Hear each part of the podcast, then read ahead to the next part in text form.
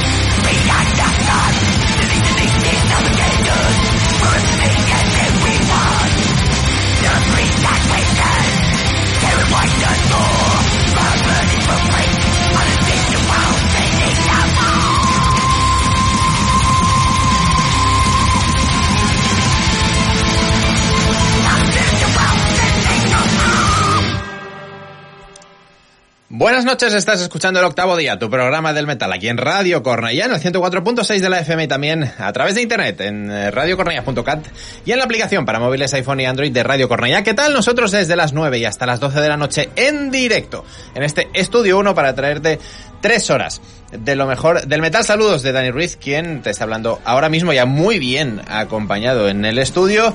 A mi siniestra y eh, de nuevo ante el micro, Alfonso Díaz. Buenas noches. ¿Qué tal, Dani? Muy buenas noches. Encantado de estar aquí otra vez un domingo más en el octavo día.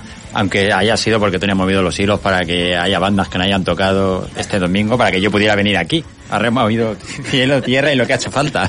Correcto. Zapatillesco, esperamos, Alfonso.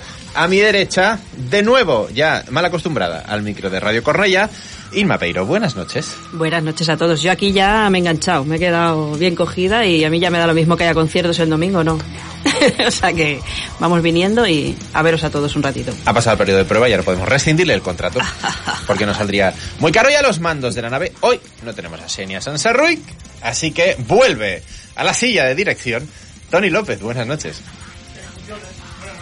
Buenas noches en funciones, sí señor. Eh, aquí, aquí estamos arrancando, intentando arrancar a Inma de la silla con Cradle of Field de inicio. Eh, ni así, no hay manera. Eh, le he Si visto- no me dejáis tirar el humo, ¿no? O sea, le he visto hasta que hasta que cabeceaba un poquito en algún momento.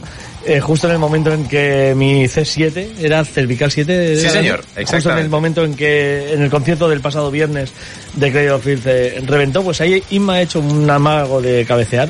O sea que, que ven hacia la oscuridad Inma también. Solo nos faltaba eso.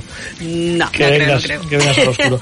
Pues hemos abierto con Crawling King Chaos, el que fuera primer single y, y grandioso tema de este Existence for Child, trabajo de Cradle of Filth, uno de los grandes lanzamientos de 2021 y que este pasado viernes eh, presentaban en Barcelona, en las Ramadas 2. Luego, más adelante en la noche, hablaremos de nuestras andanzas conciertiles, pero sirva como ilustración pues un poco este, este tema. Así ya no lo quitamos de encima, ya nos tengo que masacrar más con Cradle. ya lo tenemos hecho. Y nada, que siga la música. Ahí, ahí, no, no, un momento, ahora no. Ahí está mi C7.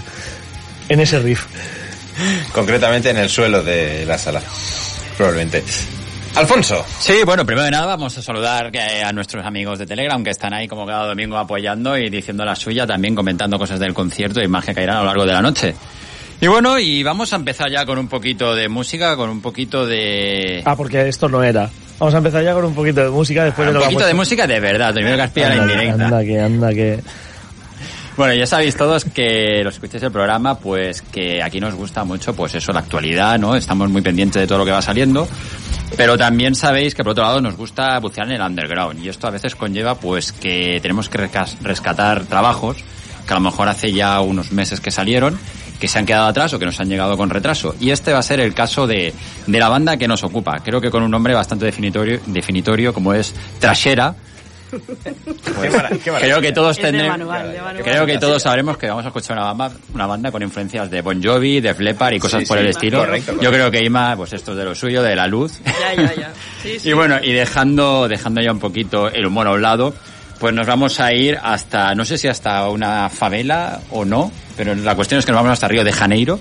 Siempre queda bonito lo de la favela, ¿no? Da un poco un toque, un toque como épico, ¿no? Así un Y poco- underground. un- Underground. underground, pero la verdad que no lo sé si son de, de Río Capital o son de una favela. Vamos a dejarlo que son de Río. Y es una banda, pues, que lleva ya más de una década en activo. Se formaron en 2010, aunque no debutaron hasta 2014. Y desde entonces pues han ido su- sobreviviendo a base de, de conciertos, muchos conciertos, supongo que en tierras brasileñas, porque no tengo noticias de que hayan expandido horizontes todavía. Y han ido publicando trabajos. Y bueno, pues hace unos meses publicaban Bastardos da Noite. O sea, también es un título bastante contundente. Eh, ¿Qué os parece si vamos a descubrir a estos trasera, como os digo, brasileños, con el tema metal obscena y luego hablamos de ellos?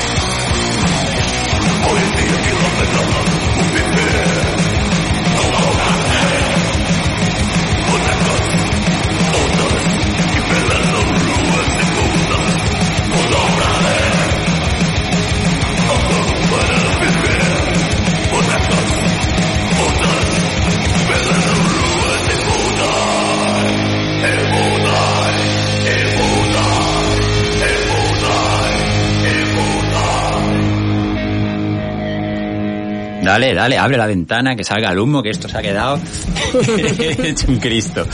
Bueno, ¿qué os ha parecido, chicos? Da lo que promete. Hombre, desde luego, promete. no, no bandas que metálica esta, no, no, trashera. Además, hay un eh, sobrestock de chalecos de cuero, cinturones de balas colgados al pecho, parches. Me encanta, Alfonso. Estos no pasan el control del aeropuerto sin No. despelotarse. Garantizado que no.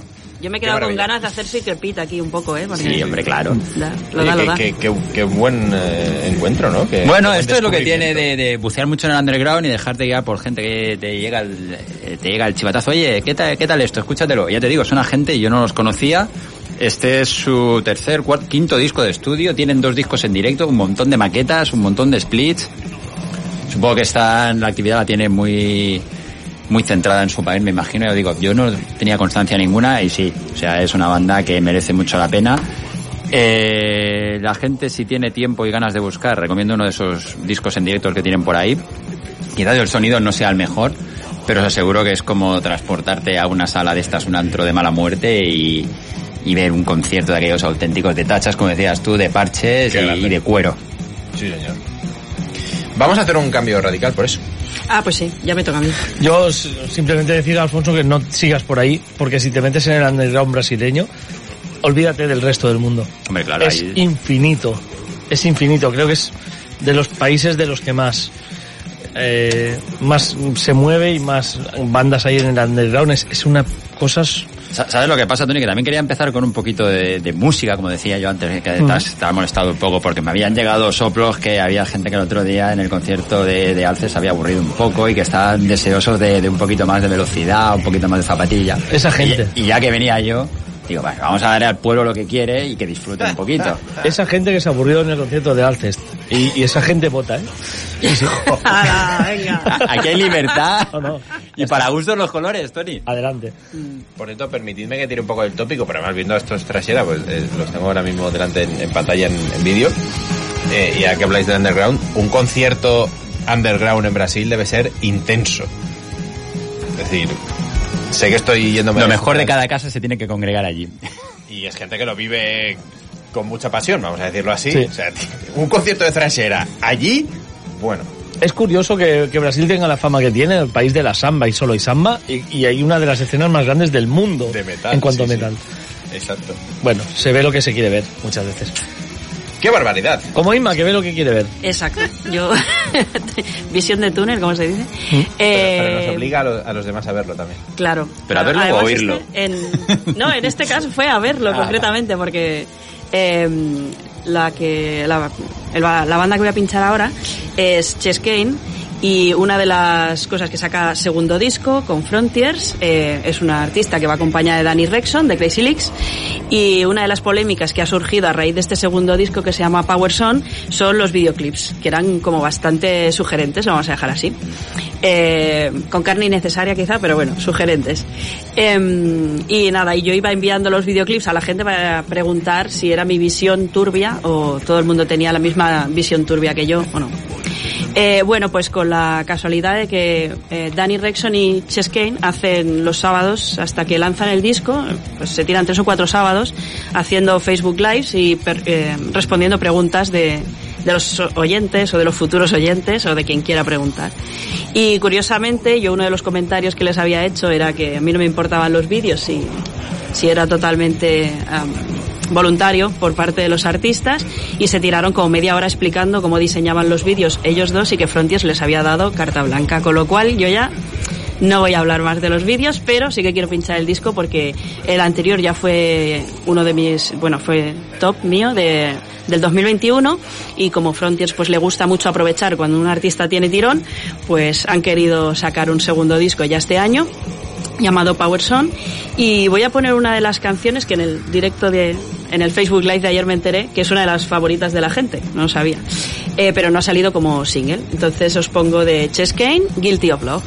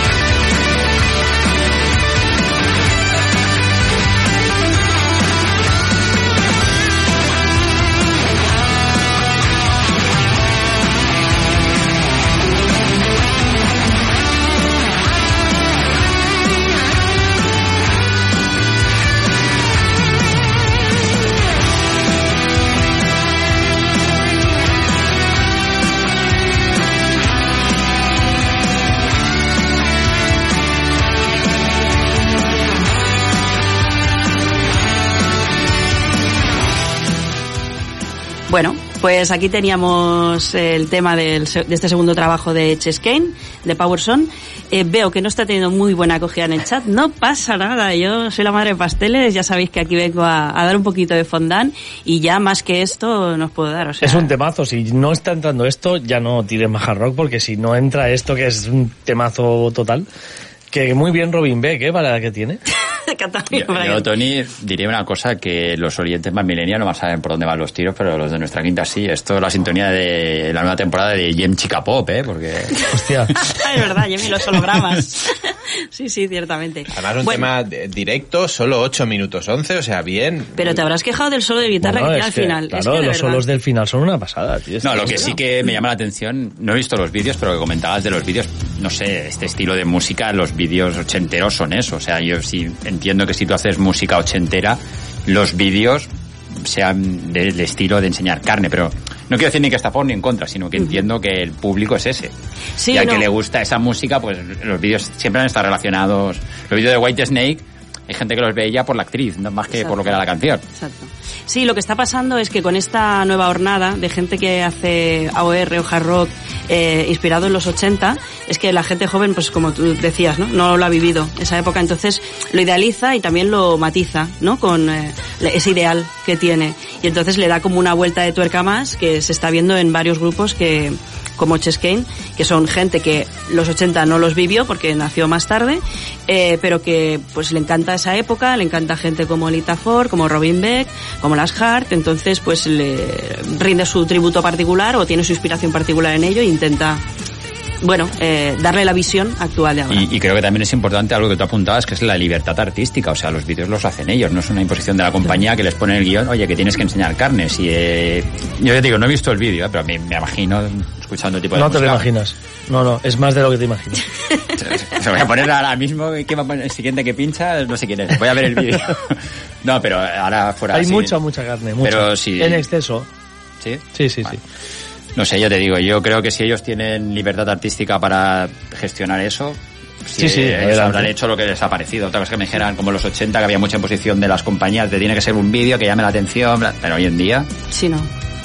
Sí. Desde luego lo llama y desde luego estética totalmente ochentera con esa. le ponemos rombos ya que estamos en plan vintage, hay que ponerle No. rombos a los vídeos. No llega a los rombos porque no, no enseña más de lo que tiene que enseñar, pero es mucho esa, ese liguero con esa media ochentera típico. pero, pero por eso nos vamos a escandalizar ahora. No, no, si no nadie ha hablado de escandalizarse. Estamos hablando si es necesaria el, el- la exposición. O sea, parece que estés en, en, en las cárnicas de Mercabarna a veces. Bueno, No hace la preocupación falta era que fuera obligado. Exacto, o sea, a mí sí. si ella lo hace Claro, es lo o ellos lo hacen porque les gusta hacerlo así, eh, me, me la repampinfla. A mí no me... O sea, me parece bonito. Bueno, la bueno, estética. también, y no vamos a meternos ahora en mierda, pero también hay mucha gente que se pone un velo porque quiere, Ah, también es no obligada. Mm. ¿Mm? Entonces, bueno, Cierto. se hacen No cosas porque quieres y ya está, y quieres. Vale, visto.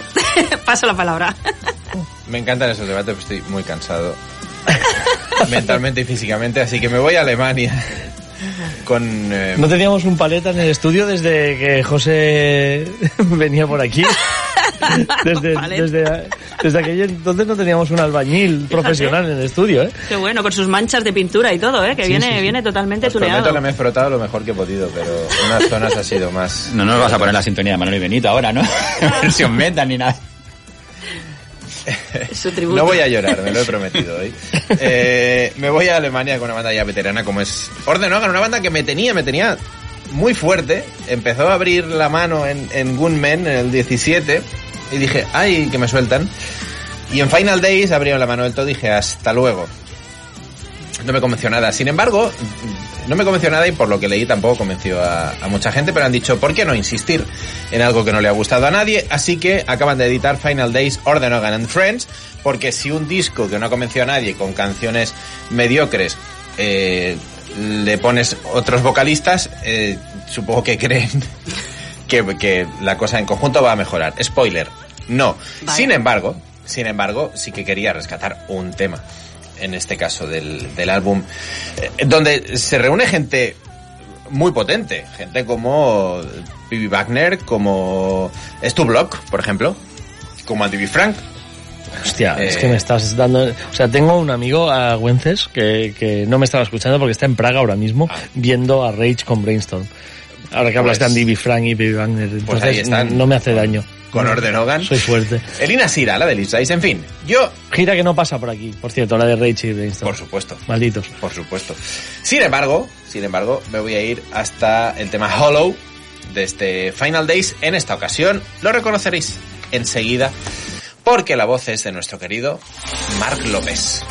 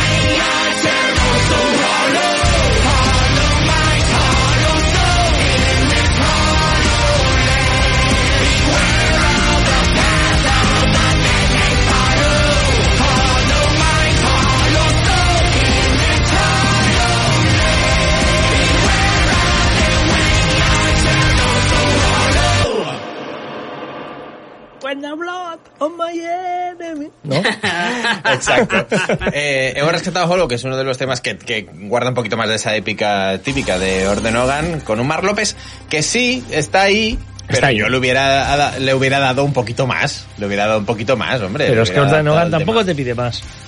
Eh, Claro. Es, es, Pero- es plano. A mí es un- cuando los vi en directo es una de las cosas que más me decepcionó. Que el, el cantante bien, pero es que no tiene por qué dar más. Un poco como el de Sabaton. No son Sí. cantantes que vayas a destacar, pero bueno, cumplen en ese registro y no le pidas que suba mucho, ni que chille más, ni que... Bueno, ahí están. Es lo que me está pasando con los dos últimos discos de, de Orden Hogan, ¿no? Que me parece todo tan planito que Mm. me he desenganchado mucho. Bueno, yo lo que veo que tienen encontrado una especie de fórmula, que, como decía Tony también como Sabaton, y la están explotando al máximo. Yo me acuerdo de haberles visto en la gira de, del Gunmen, que tocaron en Salamandra. Sí, y eso llamaba lo vi más la atención en casi el montaje, que llevan el pistolerito aquel Claro, arriba y tal, que no musicalmente. Fue la vez que tocaron y sí, con Rhapsody of Fire, ¿verdad? Sí. Fue aquella vez. Claro, yo fui por Rhapsody of Fire y me encontré con Orden Hogan y muy aburrido. Eh, Staropoli pone los teclados en este disco que te colegas. Bueno, claro, Podemos todo... enganchar ahí un poco el, el tema, ahí, pero bueno. ahí se debió fraguar. A ver si remontan un poquito Orden Hogan y nos A ver, habría que ver si estos invitados son colegas de verdad o pasan cheque, ¿no? También sería sería curioso de ver. Una Ay, cena, sí, por lo menos, ¿no? ahí, ahí, ahí nadie trabaja gratis, porque además Orden Hogan ya va respaldadísimo, es, es potente esa FM, ¿no? Que lo Sí, lleva también. señor, FM. Eh, estamos hablando ya de, de un dinero detrás. Muchos billetes. No como, no como lo que viene a continuación y es que eh, muchos os, os quejáis o aunque en silencio porque sabemos que sois buena gente, pero en silencio os quejáis de que ya no está Mark, de que Xenia viene poco y cuando viene nos pone Blind Guardian, de que falta ahí algo en el octavo día y voy a cubrir un poquito ese espectro yéndome hasta Holanda con una banda y digo banda cuando podría decir el proyecto de Bram Bijut eh, que sacó su primer EP en el pasado mes de abril. La banda se llama Structure y sacaron un EP de cinco temas. Digo sacaron porque sí es un proyecto unipersonal, pero cuenta con un cantante, con un tal Pink Blankenstein, al que no tengo el gusto, pero la verdad es que lo hace bastante bien. Structure, pues eh, sacaron este, este EP en formato cassette únicamente y digital. Ahora va a salir en CD y es por ello que lo rescatamos y lo presentamos porque no lo trajimos aquí en su momento.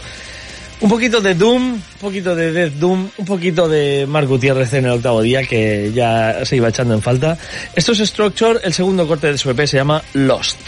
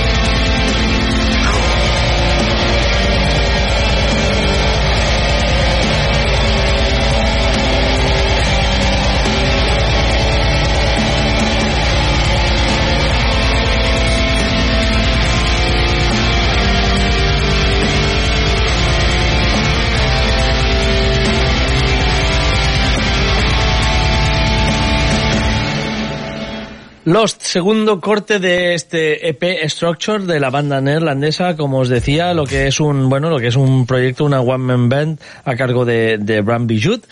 Y que ya veis que hacen un, practican una especie de Doom Death eh, de corte bastante clásico y que nos puede recordar a, a grandes bandas de- del género y que bueno pues que en este caso hemos hemos podido rescatar de ese como os digo cassette que, que vio la luz a- en abril que yo diría y ahora no lo he comprobado pero yo diría que está agotada la tirada de cassettes y que es uno de los motivos por el cual hacen también ahora una tirada en CD pero mm, también creo que es que han encontrado una discográfica pequeñita de momento pero saldrá en, CD y en todo caso en su Bandcamp podéis encontrar eh, el disco perfectamente Banda, Tony, muy interesante. Lo que no me acaba de cuadrar, y entiendo que no es.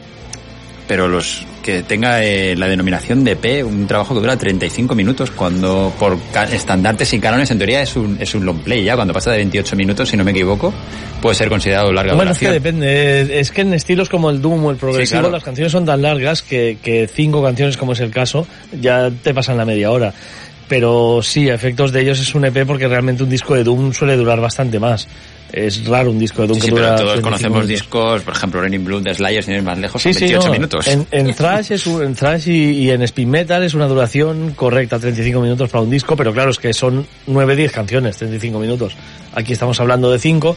Sí, es esa discusión eterna sobre qué es EP y qué no. Yo, yo esto lo diferencio por estilos. Un disco de 35 minutos, eh, hablando de Doom, es un EP. Yo creo que había, habría que mirar eh, canónicamente hablando y creo que hay unas duraciones determinadas para cada formato, incluso lo que era antiguamente el Maxi Single, Ajá. el Extended Play, que es el EP, y va por duración de Bueno, a tiempo, pero nivel, de que a nivel de fabricación en vinilo sí que es verdad, porque el vinilo sí que te marcaba mucho, pero desde que está el tema de la digitalización y del CD, que te da igual, en un CD te da igual que dure 80 como 20. Y, y en digital ya ni Sí, hablamos. también depende mucho del artista como quiera vender, como Claro, quiera vender pero en vinilo sí que es verdad, porque en vinilo mm, no podías hacer un EP si no tenía una duración concreta, la cara A, la cara B. Sí que es verdad que, que es diferente. De hecho, por ejemplo, la, la semana pasada hablamos largo y tendido de Dry River con Dani. Eh, va a salir Cuarto Creciente, va a salir en vinilo. Dentro de un par de meses saldrá en vinilo y, y- y hablaba con ellos sobre la posibilidad de sacar los, los anteriores. Me dijeron que es que mm, estructuralmente mm, no cabían en un vinilo. No ya por duración, sino, sí, además, porque habría que hacer cortes muy raros y, bueno, algo como el disco de Symphonity que me lo pillé en vinilo, que no veas la odisea para pillar a la República Checa un vinilo, que solamente lo tenía en una tienda de República Checa y, y la mejor canción que es Mongols, que dura 10 minutos, acaba en la cara A y sigue en la cara B. Está cort bueno, es verdad que el corte es muy limpio, ¿eh? que en medio, en medio de la canción hay una especie de corte que, bueno, es- parte 1 y parte 2 pero hostia, te rompe un poco el rollo, estás escuchando el vinilo y acaba ahí, se, ahora levántate y dale la vuelta. Es curioso, es curioso. El tema del vinilo es más delicado, pero ya te digo, Alfonso, el... Y en cuanto a gastos de envíos de República Checa, porque No, no está mal. No, el, el tema es que el vinilo valía 28 y los gastos eran 12. Y al final dije, mira, como es uno de mis discos del año clarísimo, pues mira, 40 euros me los gasto, que, que te cobran aquí eso por, por discos que no tienen ni gastos de envío. Y mira, lo que pasa es que luego llegó, y aparte del corte ese, no tiene las letras, mm, es un vinilo negro sin más dentro de un... O sea, tienes la portada en grande y, y el vinilo negro. No tiene, no tiene ningún detalle. Pero bueno, detalle por lo menos que lo saquen en vinilo, que, que no todo el mundo, que no todo el mundo lo hace, y, y que los discos que te gustan de verdad hay que tenerlos bien. Y ya está, se gasta con gusto. Pero bueno, no, 12 euros para venir de República Checa es, creo que está bien. He encontrado gastos de envío bastante más, eh, más altos, incluso de países más cercanos, ¿eh? Pide Italia. sí, pero eso te, te lo comentaba, a ver. Pide Italia, de hecho, eh, la tienda de Frontiers, por ejemplo, está en Alemania. Tú, pide- tú pides a Frontiers y te llega desde Alemania. Porque en Italia los gastos son como el triple que desde Alemania. Bueno, políticas eh, fronterizas y de exportaciones de los países. Frontierizas. Frontierizas. Tal cual. Igual la Meloni ahora lo ha arreglado esto, que la Meloni lo va a arreglar todo en Italia. Se ve que sí. Sí. ¿Seguimos, Alfonso? Sí, bueno, y estábamos hablando de estos Structure, ¿no? Que decías tú que te recordaban a bandas clásicas de- del estilo de- del Doom de los 90. Y precisamente esta semana pues tuvimos ocasión de ver a uno de, a uno de esos nombres míticos de la escena, también de- del Gothic Metal, aunque quizás eh, su periplo posterior les ha desmarcado bastante lo que fueron sus inicios, como son Paradise Lost, que tocaron el pasado martes 18 en la Sala Polo de Barcelona, acompañados de, Obsidian Kingdom. Y bueno, un servidor tuvo ocasión de, estar por allí, de ver el concierto. Y la verdad que, que estuvo bastante bien, bastante bien ceñiéndonos en los canon de lo que son los Paradise Lost de, de este siglo XXI y sobre todo de esta última década que realmente poco tienen que ver pues con lo que eran los de los de los Paradise, los de Ico, los de Draconian Times, que digamos que para mí, esto cada uno tiene sus gustos personales, para mí es su época dorada. Evidentemente había cosas antes, ha habido cosas después, cada uno tiene sus preferencias. Yo me quedo con esa tripleta de discos. Y bueno, lo que sí que es cierto que no se les puede decir que no son honestos, porque no engañan a nadie, no tiran de voces grabadas, eh, Nick Holmes está en el estado vocal que está, adapta los temas a su estado actual. Y bueno, eh, yo ya lo digo en, en mi crónica que va a salir en rafabasa.com, perdona eh, que haga la publicidad, pero bueno, ya que va a salir allí. Eh, y que quien quiera escuchar los antiguos Paradise Lost, pues siempre tiene la opción de coger los discos y pincharlos. Ellos no engañan a nadie, la, deriva que han llevado sus últimos discos ya sabemos cuál ha sido. Han ido algunos en toques más oscuros, más death metaleros, otros más siniestros, como este último Obsidian. El repertorio fue bastante equilibrado. Tocaron un poquito de todo, yo creo que de todas las épocas. Y bueno, yo me quedo pues pero no porque sean de, de mi preferencia las que más me gustan, sino porque creo que son las que mejor suenan, ¿no? Pues temas de como eh, One Second, Just Say Wars, que creo que son lo que mejor se adapta pues a lo que es la voz de Nick Hobbs actualmente y donde la banda da sus mejores prestaciones. Eh, la gente bastante entregada, creo que había mucho fan de todos los estilos, porque una banda que ha tocado tantos, tantos palos a lo largo de su carrera, evidentemente tiene, tiene fans de, de muchos, de muchos tipos de música aglutinados ahí, había gente de la New Wave, gente del metal, gente del rock gótico, todos juntitos allí. Yo creo que los que más sabíamos éramos los metaleros. Pero bueno, la verdad que la fauna era bastante, bastante variopinta. Y también, pues, dejar constancia de que los encargados de abrir la velada fueron la gente de Obsidian Kingdom, que volvieron a cambiar de formación, ahora se presentaron como cuarteto, no llevan teclista. Hicieron un concierto muy, muy sólido. Sí que es verdad que dieron más protagonismo de, del que yo me esperaba eh, a las composiciones de Mantis, que es su álbum de 2012, y que de, de Mid Machine, pues creo que tocaron tres o cuatro canciones, que es este es su último redondo, que es así con toques industriales y muy noventeros. Al final salimos yo creo que todos contentos, yo os digo, para los a mí el concierto me gustó, no me emocionó, yo los he visto ya muchas veces, la primera vez que los vi fue en los 90 con Sepultura, de Teneros de Sepultura, o sea, y creo que los he visto en todas las giras desde entonces. He visto cómo subió la banda, luego vi el declive, cómo se recuperaron y ahora están pues ahí en una, un poquito en un valle que bueno, van capeando el temporal y van, la verdad que van aposentando su posición como una banda ya, yo creo que clásica dentro de la escena europea. ¿No ves quizá que están haciendo ahora un poco lo que quieren? A lo mejor ahora se Yo creo que hace, liberados. yo creo que hace ya mucho tiempo que, que están haciendo lo que quieren. De hecho, hace poco también leí que que Nick y Gregor McIntosh van a hacer un proyecto que se va a llamar Host, que supongo que va a ser la continuación de lo que hicieron en el disco de, de Paradise Lost de, que lleva ese título. Y yo creo que es una banda que ya no tiene ataduras, que está ya pues muy establecida dentro del circuito europeo. Y lo que te comentaba, ellos eh, plantean el show como a ellos les gusta, con sus posibilidades, sin engañar a nadie, al que le guste que vaya a verlo y el que no, pues oye, pues que se queden en casa escuchando los clásicos o que se busque otra banda que le, que le llene. Y yo creo que lo que no se les puede reprochar, siempre han seguido su propio camino. Yo creo que siempre su evolución, yo me acuerdo cuando pasamos de, de Draconian Times al One Second, en el momento, pues, creo que Tony estará de acuerdo conmigo, que fue un shock. Encontrártelos de repente con el pelo corto, con metiendo muchos arreglos pregrabados. Eh, veníamos de una banda que se les había catalogado como los nuevos Metallica en la época de Draconian Times.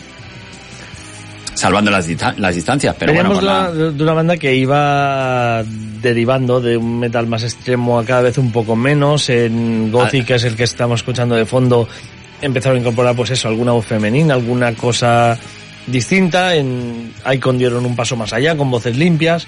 En Draconian Times dieron aún un paso más allá y finalmente lo rompieron todo con sellos Wars.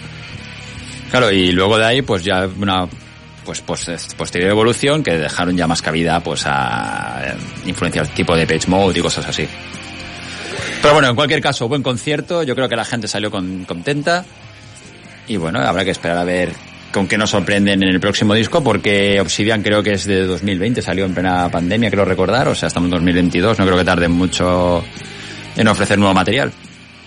Pues mira, eh, una banda que vino a presentar un disco que, que salió en 2020 y una banda que al día siguiente, como es Evergrey, en el que estuve yo y estuvo Inma, que venían a presentar no su disco de 2022, que también, Que también. sino su disco de 2021 y 2022, porque el de 2021 evidentemente no pudo tener gira, Escape of the Phoenix, y vinieron a presentar los dos sin problema, ¿no?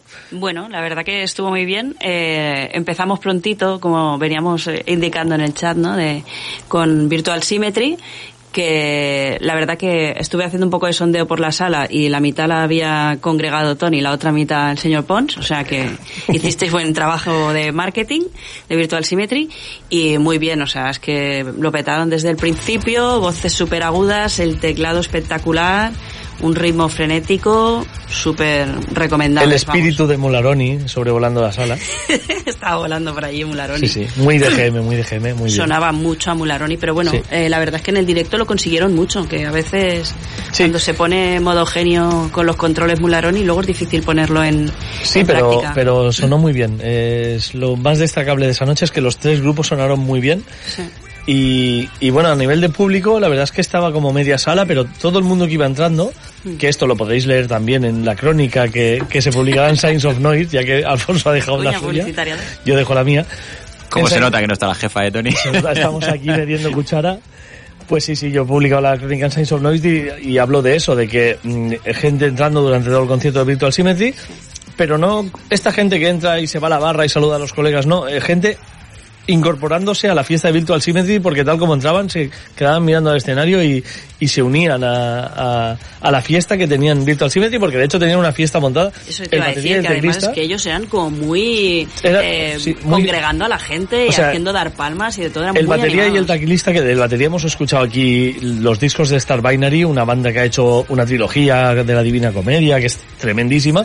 Son chavales que deben tener veintipoquísimos 20 años y con la cara de felicidad que tenían es que te unías a su fiesta porque estaban, se les veía contentísimos, tío. Y eso hace un montón, porque ya, no sé, te, te, llevaban con ellos y la verdad es que la gente se unió mucho.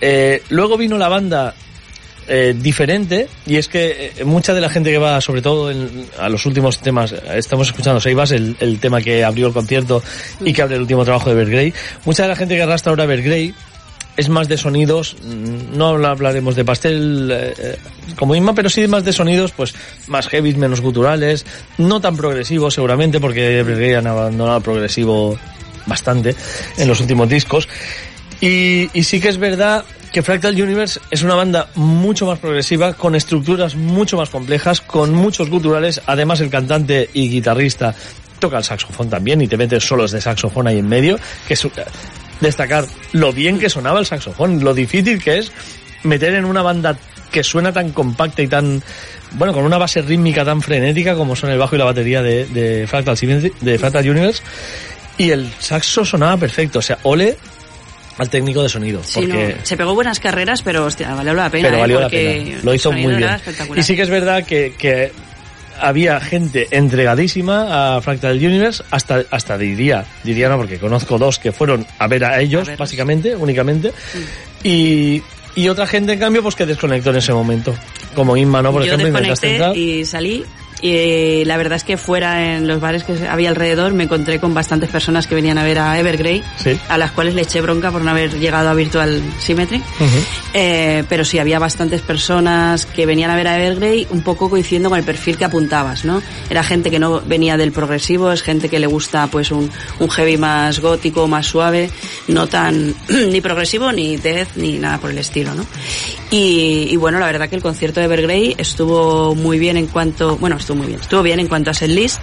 Repasaron temas eh, de casi todos los álbumes. Bueno, se re- dejaron Repasaron temas de los cuatro últimos, los básicamente. cuatro.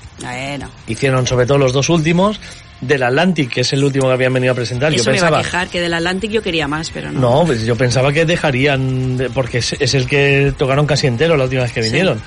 Y todavía te meten dos temas del Atlantic en esta, en esta gira. no se aprovecha, no se tira del Solitude o algo, bueno, Solitude no, pero de In Search of Truth, por ejemplo, de Masterplan ya han dejado de tocarlo, o sea, ya no existe ese disco. Y es lo que le dije a Inma en los bises, cuando sonaba Recreation Day, ya no hacen canciones como aquella, es otro grupo. Sí, es Eh, otro. sí. es un tema diferente de y lo que hacen ahora pues a partir del tema que cierra sus conciertos y que es el, el tema que todo el mundo corea que es King of Errors a partir de ahí es cuando Evergrey vieron que ahí después de un par de discos mediocres vieron que ahí la fórmula funcionaba que volvían a resucitar y han seguido por ese camino. Y es más King of Errors que otra cosa lo que hacen ahora bien o Yo, sea, como soy partidaria de la segunda época, la verdad que a mí me, me gustan los directos de Evergrey, me lo- los disfruto mucho. Luego los vi en muy buena forma, estuvieron tocando muy bien. La voz, ah, he escuchado a gente que decía que estaba muy apu- apurado el Englund. Tan apurado, bueno, eh, no canta a lo mejor como, yo qué sé, cuando tenía 20 años puede ser, pero no lo vi para bueno, nada está apuradete pero tampoco va Lo tan forzado bien. la verdad es que Lo vi tranquilo, o sea, no lo vi preocupado. O sea, cuando un cantante ves que no llegas y estás intentando dar una nota y no llegas, eh, estás apurado. Y él no estaba apurado, él estaba diciendo, bueno, estaba cómodo, lo veía cómodo. Mm. O sea, que la verdad que a mí me, me gustó bastante todo el set y todo. Y los bises, por supuesto. Con Tony al lado cantando, que un día eh, estábamos debatiendo en el chat si la gente canta o no canta en los conciertos, pues yo os confirmo que Tony canta en los conciertos. Yo si me sé la canción canto y Recreation Day me la sabía y la canté, por supuesto. A no ser que, que el cantante sea alguna bestia, como alguno escucharemos más adelante esta noche, Yo que no puedes taparle, no puedes taparle, tienes que dejarle que grite, además haces el ridículo si intentas llegar a según qué notas, con lo cual en ese, en ese caso no. Eh, esto fue el miércoles, Una, una cosa, Tony. Sí. Eh, comentabas que Virtual Symmetry había montado una fiesta, ¿no? Que había estado muy bien su concierto. sí, Y, eh, pues, en Madrid se unían las dos giras y tocaban a las cuatro y media de sí, la al tarde. final no, Al final no. al final no porque eh, Obsidian Obsidian- Kingdom se cayeron, Sí. ¿no? Y fueron un poco más tarde, pero, Pero ¿qué os parece esto de tantos tantos grupos en un cartel que empiezan tan pronto a la hora de la merienda? si no es un festival es horroroso. Que Un- miércoles a las 5 de la tarde, ¿quién puede estar en la No, sala? era- esto fue un jueves en Madrid, fue un jueves. Además es que Madrid, mm, en general, yo los conciertos que he estado en Madrid, mucha gente Pasa de teloneros ya pasa del telonero, se queda en los bares de los alrededores y entra 10 minutos antes del cabeza de cartel. Esto pasa muchísimo. Eh, no sé cuánta gente tendrían. Sí que debo decir que, que Virtual Symmetry estaban contentísimos tras el concierto porque habían vendido 21 CDs Toma ya. para una banda desconocida en una ciudad como Barcelona, vender 21 CDs, les, o sea, habían amortizado esa noche, eh, vamos, eh, de, de todas, todas. Y como mínimo una camiseta también vendieron. De camisetas no me hablaron, pero la mía seguro, igual alguna más, o sea que, que esa noche les, les salió, les salió bien el tiro, porque esta gira es, bueno, Evergrey sin ser una banda grande, como podíamos, eh, de hecho tocan en bóveda, no, no se les puede llamar grandes, sí que tienen técnicas de banda grande a la hora de salir de gira y es poner un precio para telonearles. En este caso un precio ido de la olla a- al máximo porque pedían 30.000 euros Wow. a los teloneros Toma ya. Para hacer la gira. Bueno, pero si eso repercute en un buen sonido, como comentabas, y que lleven técnico propio, se agradece mucho que por lo Sí, menos sí. el fan que paga Sí, su sí, entrada pero- lo pero- disfrute, disfrute de una buena calidad Pero de sonido. 30.000 euros no puedes pedir siendo Evergrey. Bueno, pero eso es, eh, tú pides. Eh, Tú luego pides, el que quiera está. dar puede tener la opción de dar Sí. o no darlo. No, al final llegaron a un acuerdo bastante más económico que esos 30.000 euros, pero además eh, Evergrey les dijo, vale, eh, es más económico y tal, pero entonces yo me ahorro los pipas y vosotros sois mis pipas. Entonces acaba el concierto y ves a los Evergrey por ahí tomando sus birras en la calle mientras los otros dos grupos van desmontando la batería de Evergrey, Hostia. las guitarras de Evergrey. Sí, es un poco... Bueno. En todo caso, a. Virtual el día de Barcelona les salió económicamente rentable, que, que ya es mucho. Y, de todas maneras, bueno, como, como nos, como, como me comentó el, el guitarra y fundador de, de Virtual también después, eh, estaban haciendo esta gira, además de para darse a conocer, viendo dónde podía responder mejor su propuesta y tal. Porque quieren ellos hacer una gira con, como cabezas, haciendo su hora y media, tocando el tema de 20 minutos del disco, que es una, es una pasada, aquí pudisteis escuchar un, un, un trozo. Y, y claro, me dijo, una de las que vamos a incluir si giramos es Barcelona, porque si hemos vendido 21 CDs, aquí tenemos asegurado que va a venir alguien a vernos. En Madrid, que igual no les vería nadie, pues igual a Madrid no llegan. Pero Bueno, Bueno, eh, se, agrade- se agradece porque cada vez pasan menos giras por aquí, que alguien se apunte, ¿no? Que va a venir a Barcelona. sí, sí. Aunque se han vendido ya los 21, igual no ven- la próxima vez venden uno o dos nada más. Igual sí. Y Claro. ya se lo piensa. Yo de lo que decías de los horarios, la única pega que veo en Barcelona, porque ya me ha pasado varias veces, sobre todo más con los grupos así más modernos como Amarante y este tipo de así, eh, suelen de entrada ya, aunque solo sean dos grupos, te lo ponen muy pronto. El problema que le veo es que en Barcelona a partir de cierta hora no puedes cenar.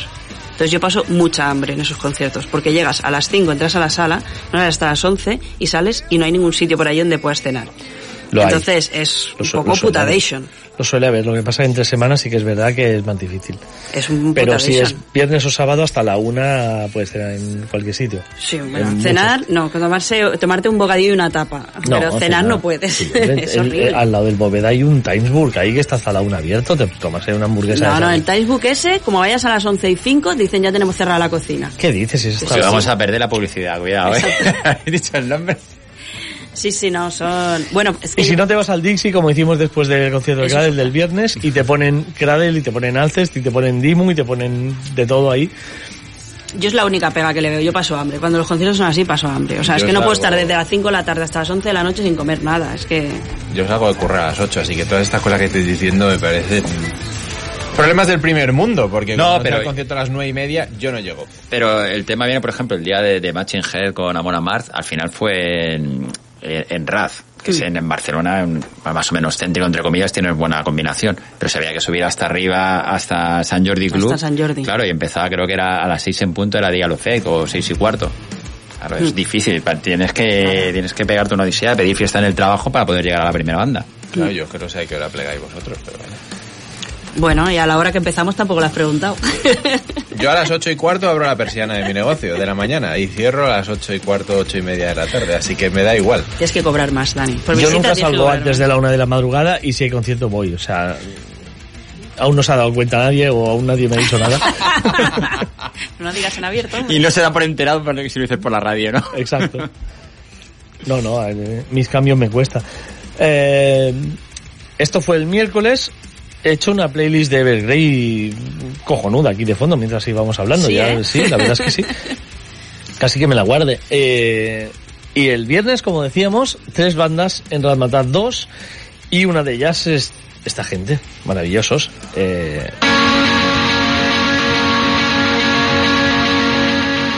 Alcest, que no a todo el mundo gustó. Empezaron en Araka, una banda que yo personalmente desconocía, pero bueno, como mi idea era llegar pronto, pero era para, para no estar muy preocupado si, si encontraba caravana o algo. Me escuché un tema y la verdad es que el tema no me gustó nada. Me sonaron a los Cradle que no me gustan, a los Cradle estos de... No de Ninfetamin, pero bueno, de esa época, ya me entendéis. Son metal extremo, pocas melodías, mucha bestialidad, cambios de ritmo que no acabo de entender. Y luego vi que Lindsay Skullcraft había colaborado también con ellos en un tema que se estaba mejor, pero bueno, tampoco iba yo con muchas ganas de ver a Naraka. Me impactó bastante que en el puesto de Merchant había un cartel que ponía el cantante de Naraka necesita un sitio donde dormir esta noche en Barcelona y estaba el teléfono móvil del, del chaval, por si querías llamarlo. Se dedicó a exhibir cuerpazo y musculazos durante todo el concierto, supongo que en busca de alguien que Para le... facilitar la transacción. Qué que si alguien le, le podía adoptar. Sí, sí, bastante curioso. Un merchant carísimo, como siempre, ya no se puede comprar merchant a, a los precios que, que ponen las cosas. Pero bueno, Naraka fue esto. Fue cortito, rápido, no es lo mío. Luego salió Alcest, Por que cierto, no ¿cómo acabó? Encontró... desconozco. ¿Le preguntamos Alma a Tony caritativa. algo concreto? ¿Le preguntamos a Tony por algo en concreto o no? Yo estoy seguro de que encontró. Porque yo me veo en esa situación y yo encuentro seguro. Entonces yo supongo que el chaval encontró. Y es muy majo. No, no, y además lo ha dejado todo recogido por la mañana, perfecto. Bien. Ahí, ahí quería yo llegar. Ha recogido, ha limpiado, ha limpiado los platos. Sí, sí, sí. Ha hecho los huevos con bacon, los ha hecho él. Eh, Alcest. Alcest era una propuesta que no a todo el mundo que iba a creer le gustaba, pero también es verdad que mucha gente iba al concierto a ver a Alcest y ya que estábamos nos quedamos a Cradle, pero básicamente el señor Nesh, que es un tío que te atrapa, que te atrapa si no tienes un colega al lado que a medio concierto te dice, es clavado al Rosendo el cabrón. y, y ya te da el concierto porque ya solo ves a Rosendo. Pero no, no, eh, muy bien, muy bien. Hace este un conciertazo, sobre todo basándose en su último trabajo. Es Joder, ahora, está viendo Dani la foto y Ciertamente. ¿Ves? Pues, Hostia pues, puta. pues ese señor me jodió el concierto. De hecho, Jero, eh, Jero García y, y servidor, cuando estábamos cenando y pusieron alces, cantamos pan de higo a ritmo de un tema de alces. Lo cual gustó bastante en el local donde estábamos. Fuimos vitoreados ampliamente. No, el, bueno, como digo, Nesh te atrapa en su historia o no te atrapa. Si no te atrapa, yo entiendo que se puede hacer coñazo. pues, partes como esta en un concierto de Cradle, que vas a ver a Cradle, yo entiendo que si no te has metido, eh, bueno, pues había gente allí que estaba, bueno, rajando de que me voy a dormir con esto. Pues vete y te duermes y ya vuelves luego. Yo me metí totalmente en el concierto, me pareció impresionante. Además adaptaron el set bastante a, pues a eso, a ir con Cradle. Eh, podían haber tocado muchas más cosas del SKL de Lewin que, que se, bueno, o que obviaron o que, o que acortaron o que, bueno, metieron, creo que un buen balance entre partes extremas y partes así melódicas. Y a mí me, encantaron, pero claro, es que luego vino Cradle y Cradle lo reventó. Cradle hizo un concierto espectacular, tocando temas de todas las épocas, tocando un tema del primer disco, como Summer's Dying Fast, Nocturnal Supremacy del segundo, eh, A Gothic Roman del Dash Can Embrace, eh, también fueron hasta Cruelty in the Beast, es decir, Miriam, porque acabaron con Ghost in the Fog, también tocaron de Ninfetamin, también tocaron I Am the Thorn de Thornography, que es esa época que a mí no me acaba de hacer. Pero con un gran sonido y con una gran puesta en escena, con un Danny Field que todo lo grita con sentido. Ahora sí, por fin, gracias. Y, en fin, un- una fiesta. Los temas nuevos de Existence is Futile suenan magníficos. Es verdad que Cryptoriana, que es el anterior disco, que también es buenísimo, eh, lo han dejado de, de aparcado. Y, eso, bueno, no es que nos guste demasiado, pero, pero bueno, no se puede tocar todo tampoco. Tocan una hora y media, que, que ya está bien para lo que tocan muchos otros grupos. Y contentísimo de, volver a verlos y de verlos en esta forma, porque yo a Cradle mi recuerdo de los Cradle del 94, 95, cuando los vi por primera vez, era una pelota de sonido y Dani chillando sin ton ni son, sin sentido. Y, y adivinabas qué tema era, pues por alguna melodía de teclado o por alguna frase que pillabas de lo que gritaba Dani. Y ahora no, el sonido es ahora fantástico, cristalino. Mi recuerdo de los, perdón, mi recuerdo de los Cradle de 2004-2005 es el mismo. Es decir, La siete pelota. años, sí, sí, pero Todavía la pelota. ¡hala! The Forest Whispers My Name era este. Sí, correcto. Sí, eso parece. Pues eh, yo después de tropezármelos con Moonspell y, y ver que, que realmente sonaban fantásticos, eh, en el Rockfest sonaron fantásticos, con lo que es el Rockfest, sonaron fantásticos, y, y este pasado viernes en, en esta nueva gira también, o sea que nos hemos reencontrado con, con Cradle, que ya tocaba. Y también nos reencontramos, porque ya salimos un poco de- del barro de los conciertos, porque íbamos a hablar de Uriah Heep y llamar a Alfonso en directo, pero no va a poder ser, porque he movido los hilos. Qué influencia, oye. Pero ya que hablamos de reencontrarnos con gente, Alfonso, nos hemos reencontrado con otros clásicos que sacan disco. Sí, Tony, y no te voy a, no te voy a engañar, y estoy un tanto mosqueado, y creo que voy a pedir el, el comodín de- del público y a ver si, si nuestra audiencia, los que están en el grupo de, de Telegram, tiene una sensación parecida. Porque es que yo creo que ha pasado muy, muy inadvertido el nuevo disco de Tankar. No sé si la gente estaba al, al caso. Yo es que he visto muy poca promoción, muy pocas noticias al respecto. Es cierto que se movió un poquito hacia el mes de mayo anunciando la fecha de edición, pero es que el disco ha salido ya. Y la verdad es que podríamos decir que ha pasado sin pena ni gloria. Yo no lo he visto en, en las grandes páginas reseñado, no he visto nada, prácticamente noticias, eh, tanto nacionales, medios nacionales e internacionales, muy poquita cosa de- del nuevo trabajo de, de los alemanes. Y no lo entiendo, porque creo que venimos de unos últimos discos de Tankar que habían tenido muy, muy buena acogida. Por ejemplo, One Foot in the Grave del 2017, creo que fue un disco que funcionó bastante bien. De hecho, estaban con Nuclear Blast. Los vimos por aquí, si no me falla la memoria, en Rap 2 eh, con Crisix, que hicieron un bolazo. Después los vimos en algún, en algún festival como Leyendas, creo recordar. O sea que es una banda que, que yo creo que está en buena forma, no está para nada eh, en momentos bajos de su carrera. Evidentemente no van, a no van a ofrecer nada sustancialmente nuevo, todos sabemos lo que son Tankar. Es tema de juerga, cervecero, hay algún temita serio también, pero vamos, ya sabemos de qué pecojean y lo que le gusta a Gear y a sus muchachos.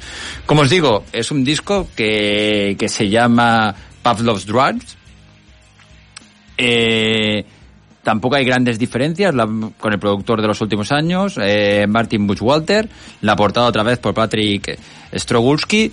No sé cuál es el problema, quizás que hayan cambiado de discográfica, ya no estén con la todopoderosa Nuclear y ahora estén con Reaper Entertainment. Quizás sea eso, pero no sé si es que la, la compañía no ha hecho su trabajo, eh, pero a mí no me había llegado, me había pasado me había pasado totalmente desapercibido y hombre, creo que cuando estamos hablando de uno de los cuatro grandes del trash eh, germano, que pase el disco tan desapercibido a la salida es cuanto menos preocupante.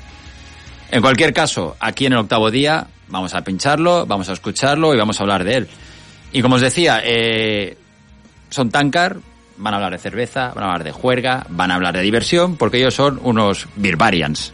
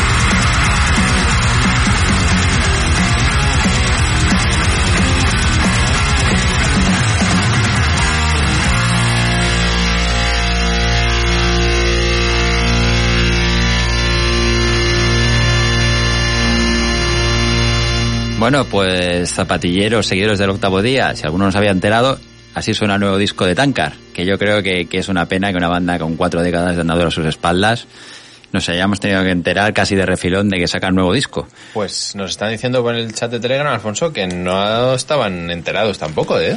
Pues ya hace unos días que está circulando el disco y es lo que te digo, yo veo a los Tankar, a mis Tankar de siempre, a lo que me gusta de ellos, de hecho, veo muchas conexiones con el pasado. Incluso hay alguna letra que ha escrito Andy Volgaropoulos, que fue guitarrista de la banda entre los 80 y los 90. O sea que más clásico no puede ser. No sé cuál ha sido el problema, si es que ha sido problema de contratos con alguna promotora, con quien les mueve, pero me parece muy, muy raro que una de las bandas grandes del thrash metal europeo saque un disco y aquí no nos enteremos prácticamente. Sí, ¿no? Estaba repasando un poco los medios, como decías, y lo- realmente los que lo han reseñado son medios bastante alternativos. Ninguna de, de así de las grandes lo ha reflejado, o sea que... Y eso que habían sacado singles en verano sí, y había, tal. había, había varios, Sí, creo que había un par de Eric vídeos. Y vídeos. No sé si es que igual Nuclear ha hecho ahí al- algún movimiento para, para que Ah, han acabado en malos ahí. términos.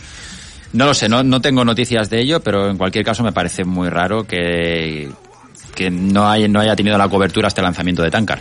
Entrevístalos, entrevístalos y aproveche y pregunta, ¿no? Salseo Otra, del metal. otra- otra cosa es lo que te quieran contar ellos luego, pero... Salseo, salseo.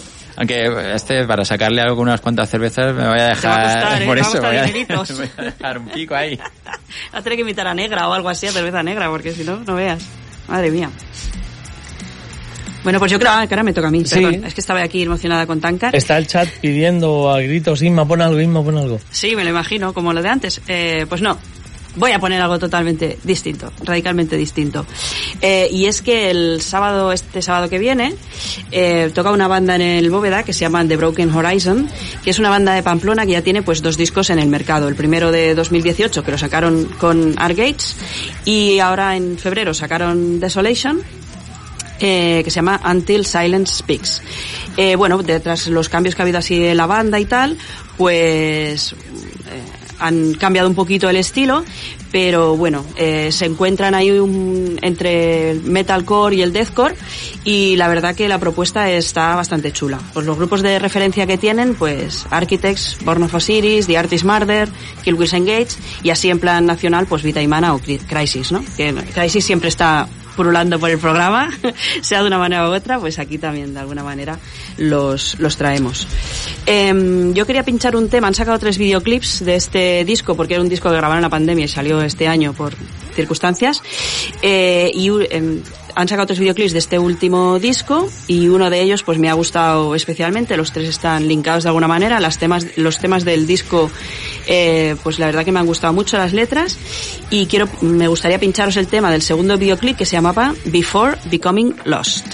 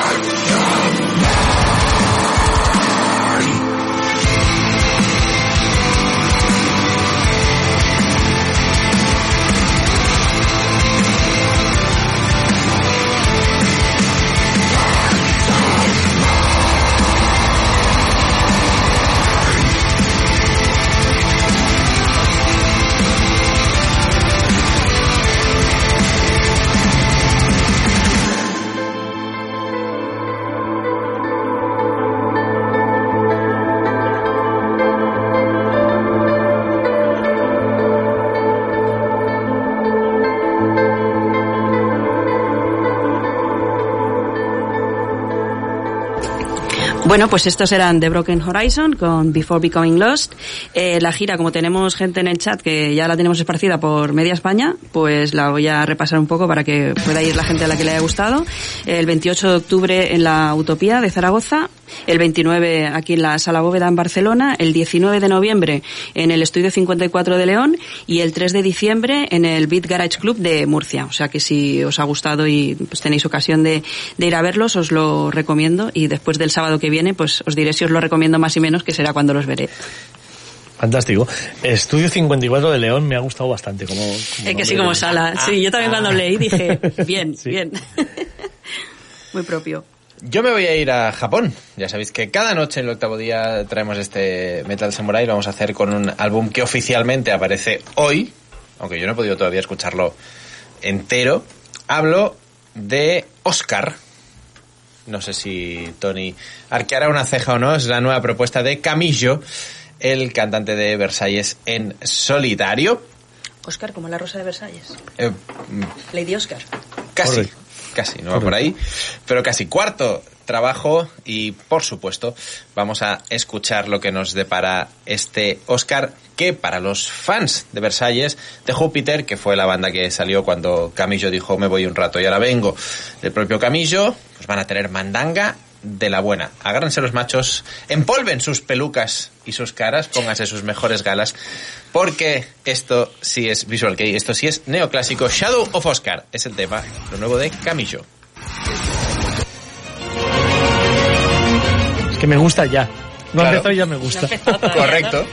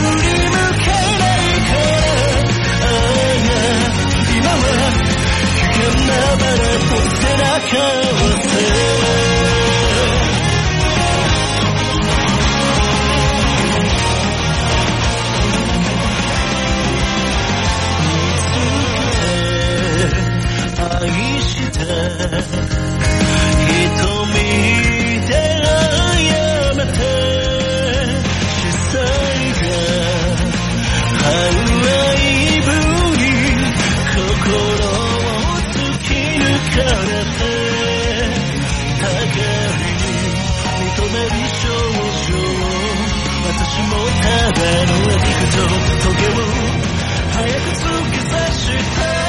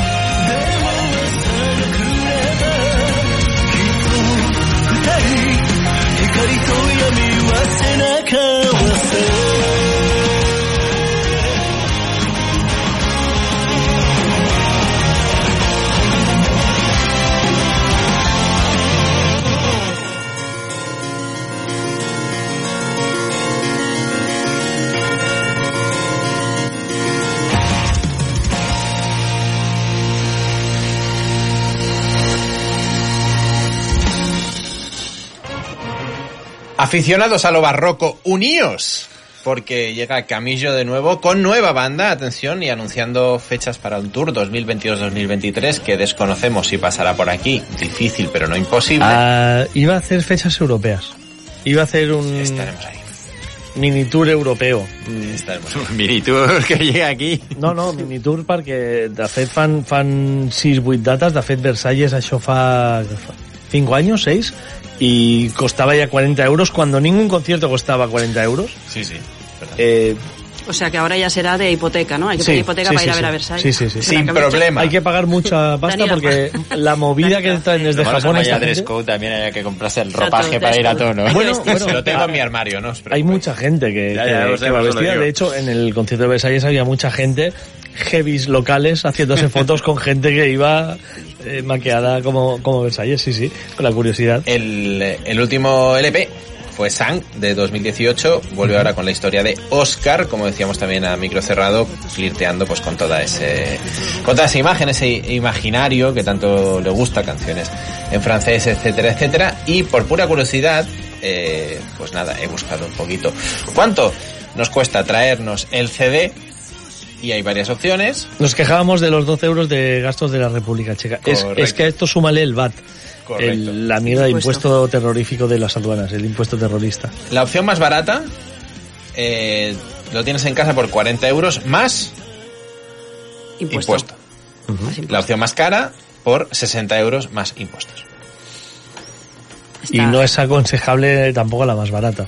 Hay alguna que no es la más barata ni la más cara que, que es, es mejor que venga registrado. Sí. Que bueno, por el, el prioritario internacional ya lo tienes, pero sí, sí, yo he pedido alguno CD Japan con el con la opción barata y es verdad que ha llegado bien y tiene número de seguimiento, cosa que aquí si coges la barata no hay número de seguimiento y nada, es un paquete que te sueltan en el botón y ya te apañarás. En este caso no. Pero sí, sí es caro, comprar a Japón es caro. Por eso cuando, cuando me escribiste desde, desde Tower Records en Tokio te dije no salgas de ahí salgas. sin mi mierda. Hubiera necesitado otra maleta realmente porque eh, era un sitio para perderse y mucho y, y- y de, de aquellos de estar rato mirando CD por CD porque había cosas muy, muy chulas. En fin, como decía, fans. eh, y sé que es eh, una música un poquito de nicho, seguramente la que plantea Camillo, pero disco. En marcha este Oscar para traernos lo que nos gusta, ni más ni menos. Yo con lo que has comentado, no sé si irá por ahí, pero con lo que has comentado de que les gusta mucho todo el tema del reinado francés y tal, Bueno, sí, Oscar- y, ya ves lo barroco y... era una señora que se hizo pasar por un señor en Versalles y. y a lo mejor viene No, no, de sí, aquí, sí, de Lady sí. Oscar, igual le explica ahí un poco va. la historia Viene, de viene ella. de ahí, de hecho ellos juegan mucho también con ese no Por género, porque de hecho en Mm, Versalles está. Sí, Eh. Isaki, que es el guitarra principal de Versalles, bueno, Teru son, son dos, son dobles las guitarras, pero Isaki juega mucho a eso, es una señorita, es una señorita, una cortesana del siglo XVIII francesa, que es un señor cuando se quita el maquillaje y la peluca, y, y juegan a, juegan a eso también, es. o sea que la historia de Oscar desde luego tiene todo el sentido. Eh, Dani me ha hecho daño y Dani me ha, me Vamos ha- allá. me ha tocado la visa, con lo cual yo voy a tocar, yo, Tócale la suya, ninguna digo, la visa, agresión la visa sin solo. respuesta. Lo que sea. No hay agresión sin respuesta. Y voy a responder primero flojito. Y luego, según avance la noche, la hostia va a ser más grande. O Pero sea, de lo, que, momento, vi- lo que viene ahora es lo flojo. lo que viene ahora es lo flojo. Hostia. Sí, sí, la, la hostia te la voy a dar más tarde. Ahora nos vamos a ese trabajo del que ya os presentamos el tema que lo habría Transgressor. Hablamos de Striper, que con su nuevo trabajo de Final Battle, sí, el título parece Manowar, sí, la portada parece Manowar, y sí, la música parece Manowar, más bien Judas en este caso, pero eh, salía este pasado viernes y sin duda, supongo que es uno de los discos que va a estar en los destacados del mes. No lo sé, eh, se está barajando. Por mi parte creo que no, porque hay, dos intocables casi, pero mm, es que es, es- es un disco sublime de auténtico heavy metal. Quiero que escuchéis Rise to the Call, sobre todo el final de Rise to the Call, pero en general el tema Rise to the Call, que es puños al aire, esto es heavy metal, esto es Striper.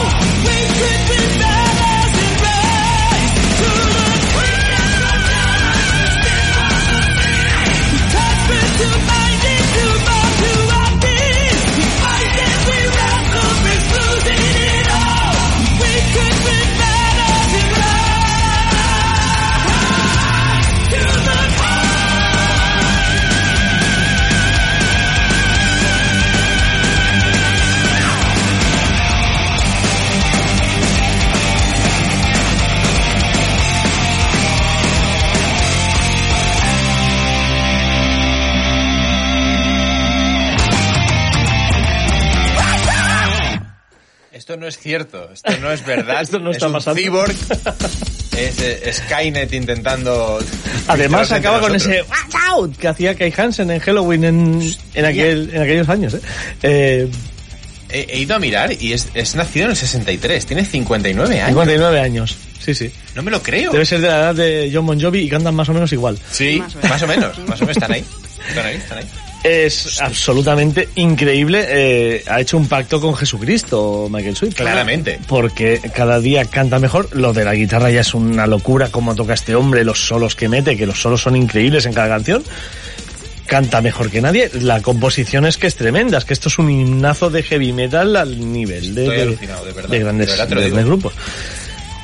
Y bueno, yo creo que este disco convence incluso a gente más estética con Striper, ¿no, Alfonso? Yo nunca me he considerado un gran fan de Striper, te lo comentaba anteriormente a micro cerrado, pero sí que he de reconocer que en esta, sobre todo estos dos, tres últimos discos de esta segunda etapa de los americanos, sí que me están gustando porque creo que, aunque es- siempre ha sido bueno escucharlos en domingo, que es el Día del Señor. Claro. ¿Qué tipo? No, ahora, Sí, sí, si de esa parte, eh, son trayazos de auténtico heavy metal. Evidentemente, si te metes ya en el tema de las letras, pues tienen su mensaje evangeli- evangelizador, por así decirlo. Pero musicalmente hablando, están a un nivel estratosférico ahora mismo y sonando pues como quizás mucho más afilados, por lo menos para mi gusto, que no en la etapa ochentera que comentábamos también antes, que quizás pues era pues, discos de su época, era más hard rock, más de estribillos, más... Y más variado, además. Sí. Sí. que tenían dos o tres tallazos de heavy con riffs bastante potentes, pero luego dos canciones más. No, pero todo yo creo que miraba a territorio más jarroqueros, incluso de laca, por así decirlo. Que no ahora, que ahora esto es heavy metal a de huello. O sea, estas guitarras son súper heavies y, y Miguelito Dulce tiene un registro súper alto. Tremendísimo. Y han dejado de lado totalmente el tono gospel que tenían a veces, Sí, ¿no? sí, sí, El- totalmente. Las cantaditas se han, se lanzado tenían. a, a Judas Priest, a Tumba Abierta. Sí. Y, y la verdad es que además, eh, bueno, eh, celebramos que tanto Oz Fox, que, que tuvo su problema, eh, parece que está perfecto de salud ya. Y Michael Sweet también, que tuvo en, en su ojo derecho, tuvo... Desprendimiento de retina. Sí. Y, y además el hecho de que parche en el ojo además le da aún más rollo. Sí. Mola mucho. Sí, sí, ese, ese rollo heavy metalero que, que nos encanta. Nos encanta y bueno, el final de esta canción Rise to the Goal es que esto es apoteósico. El día que vengan en directo lloraremos mucho, muy Joder. fuerte. Lo que me flipa es que esto no sea el golpe duro del día. Eh, no, no, no, no lo es, no lo es, no lo es. Voy a Para fallecer. ti no lo es este el golpe duro.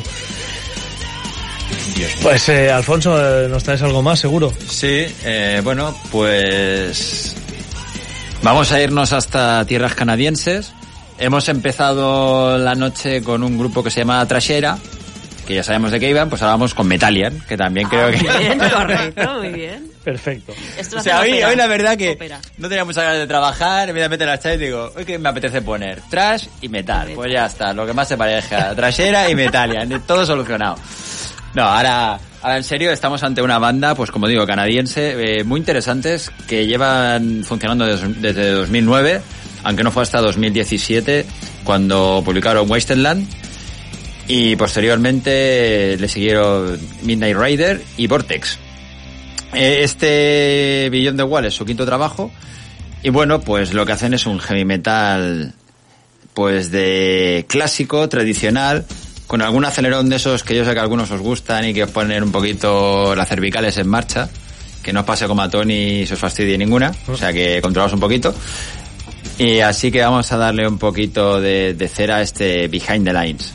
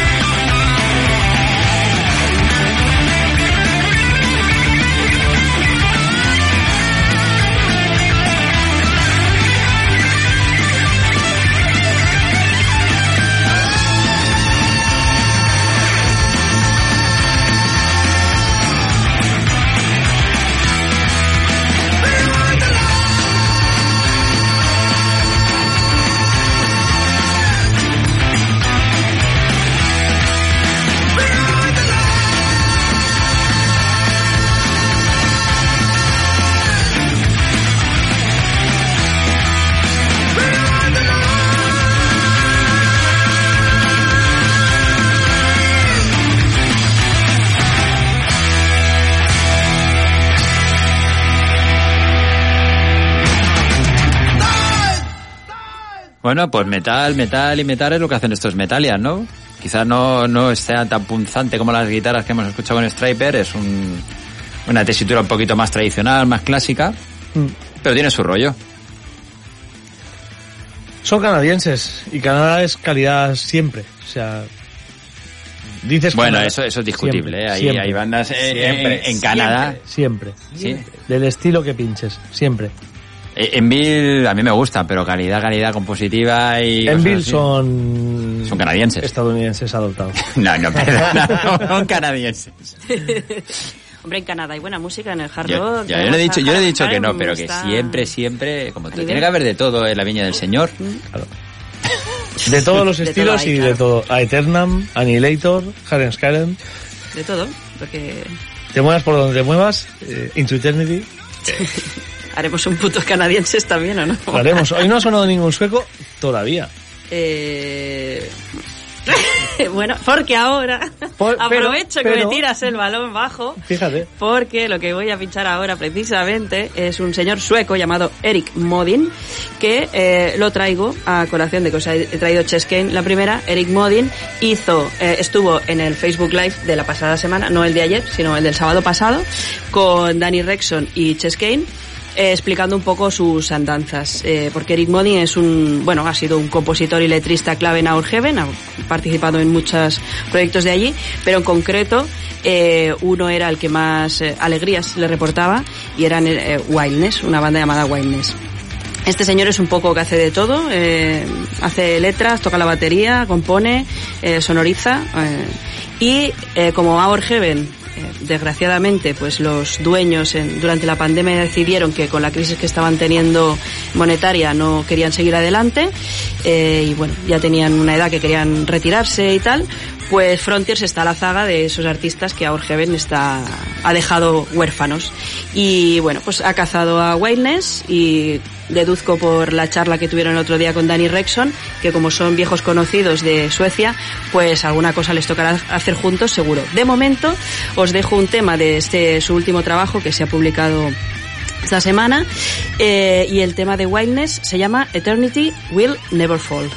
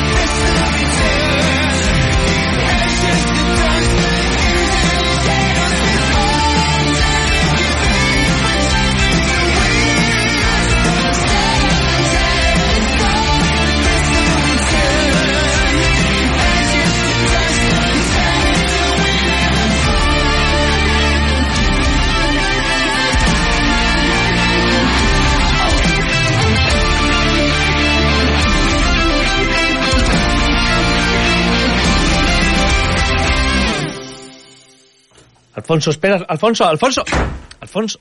Hostia. Eh, Joder, ¿se ha enfadado o qué? se ha ido. Hostia.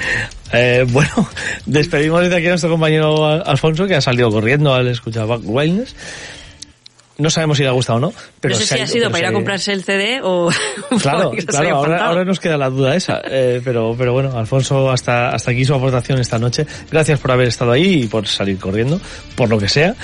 Y nada, Inma, despide Por lo el que tema. Eh, ¿Qué, qué escuchábamos? ¿Qué, qué Eh, pues Wildness? habéis- Wildness, que ya sabemos que se ha ido a hacer el Wild, Alfonso. Eh, Eternity Will Never Fall. He intentado atacar, tiene un grito al final, he intentado atacar, vosotros habéis puesto gritos, he intentado poner el mío, Sí, pero sí, bueno, sí. ya veis que dentro de mm, mi ámbito, pues hacemos lo que podemos. Pero bueno, ha habido gritito final, con lo cual yo creo que venía bien enlazado con los temas que habéis pinchado. O sea que hasta aquí Wildness, Eternity Will Never Fall, de Eric Modin. Hasta aquí Wildness, pero no hasta aquí el maldito suecos de la noche, porque yo traigo mi dosis de sueco también. Pero Dani nos trae su dosis de, ¿de qué? ¿De qué? Pues me voy hasta Estocolmo. Precisamente. Muy bien. Muy bien, muy bien. Sí. Palmamos suecos ahora. ¿Veis como son Eh, muy putos? Sí, son muy putos y hablamos de gritos, pues eh, Stormburner, Ya está. esa banda que lanzó un trabajo en 2019 fue Shadow Rising, que fue una maravilla, o también llamado Cómo ser más Manowar que Manowar, y que evidentemente los edita el sello Pure Steel Records, Por supuesto. están eh, de vuelta con una canción. De hecho, es de estas que me, que me gusta no solo por el tema, sino por el título. Burn the Storm. Que una banda como Stormburner haga un tema que se llama Burn the Storm. Bueno. pues bueno, tiene su puntito. Su regresan. Los putos suecos. Regresa el True Heavy Metal Yeah. Bueno, Espera, que ya estoy levantando el puño. Sí, eso nos lo decía David The Face en un saludito. Eh, True Power Metal, creo que decía. Un día me tiene que explicar eh, qué significa eso. En cualquier caso. No, Desde- eso te lo explico yo ahora mismo. Venga, dale, ¿Es, Tony. ¿Es este? No, que no sé si será este, pero... By the gods, David DeFay from Burton Still Here. You are listening to El Octavo Dia, Radio Cornella, the home of true power metal. Yow! Correcto, Así es. correcto. Estaba Enorme. intentando yo emular al señor David. In- inimitable. Creo que cuando entré en 2003 ya estaba ese saludo sí, sí, grabado. es posible. esto, maravilloso. Esto es de un back en 2000 o 2001 debía ser. Es, es una delicia. Atentos a este Burn the Storm. Regresan por todo lo alto Stormburner.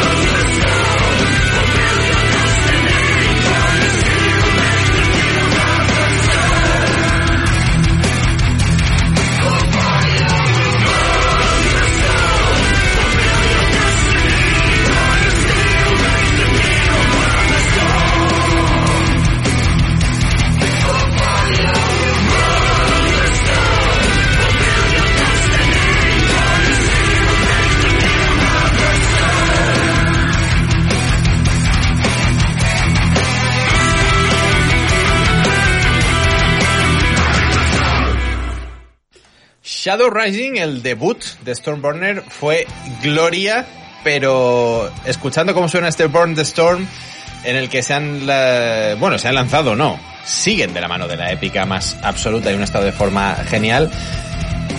Si esto está en el siguiente disco, Inma, esto puede ser, no gloria, gloria Esto bendita. está genial, estupendo. O sea, es para levantar los puños desde ya y ponerse a gritar como un loco. Yo, la, la, esto, la cervical no me la he roto, pero estoy ahí cerca, cerca, porque en vez de hacer headbanging he estado haciendo círculos, si no, ya la tenía fuera. Segunda vez que suena Blood on My Enemies esta noche. Exacto. Sí, señor. sí, sí, sí.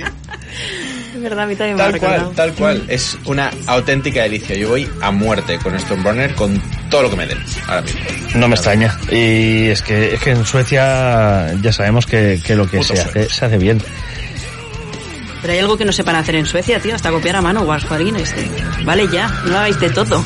Que Manowar Sí. son americanos, no copiéis también a los americanos. Bueno, pero Haciendo de suecos. Haciendo de suecos.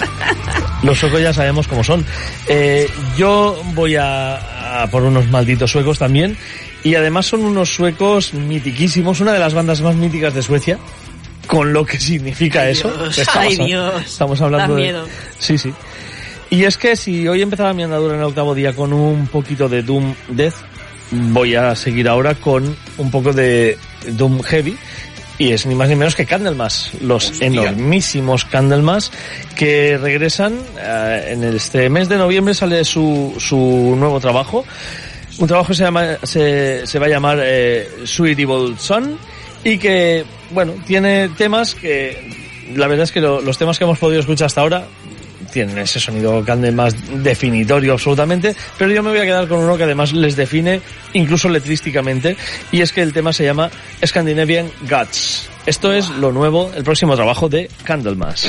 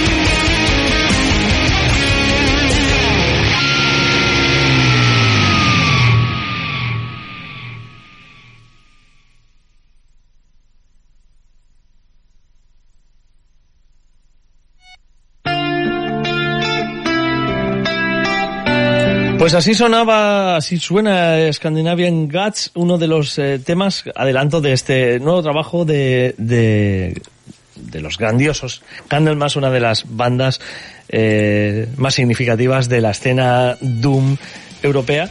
Y como digo, pues los suecos que, que vuelven con su cantante original, que fue el cantante que grabó su primer, eh, su primer trabajo y que ha grabado ahora los dos últimos. Han, tenido mucho, mucha idea de venida de cantantes, ¿no? Porque Messiah Marcolin también estuvo, Sí. luego se fue, luego volvió, luego se volvió a ir. Sí. Luego estuvo Masliven. Sí. hasta que Masliven de repente desapareció y volvió Landquist. Y con él pues eh, graban este Suitable Sun, como digo, próximo mes de noviembre, otro de los discos que habrá que escuchar eh, bien para, para ver si lo metemos en, en el top de ese mes.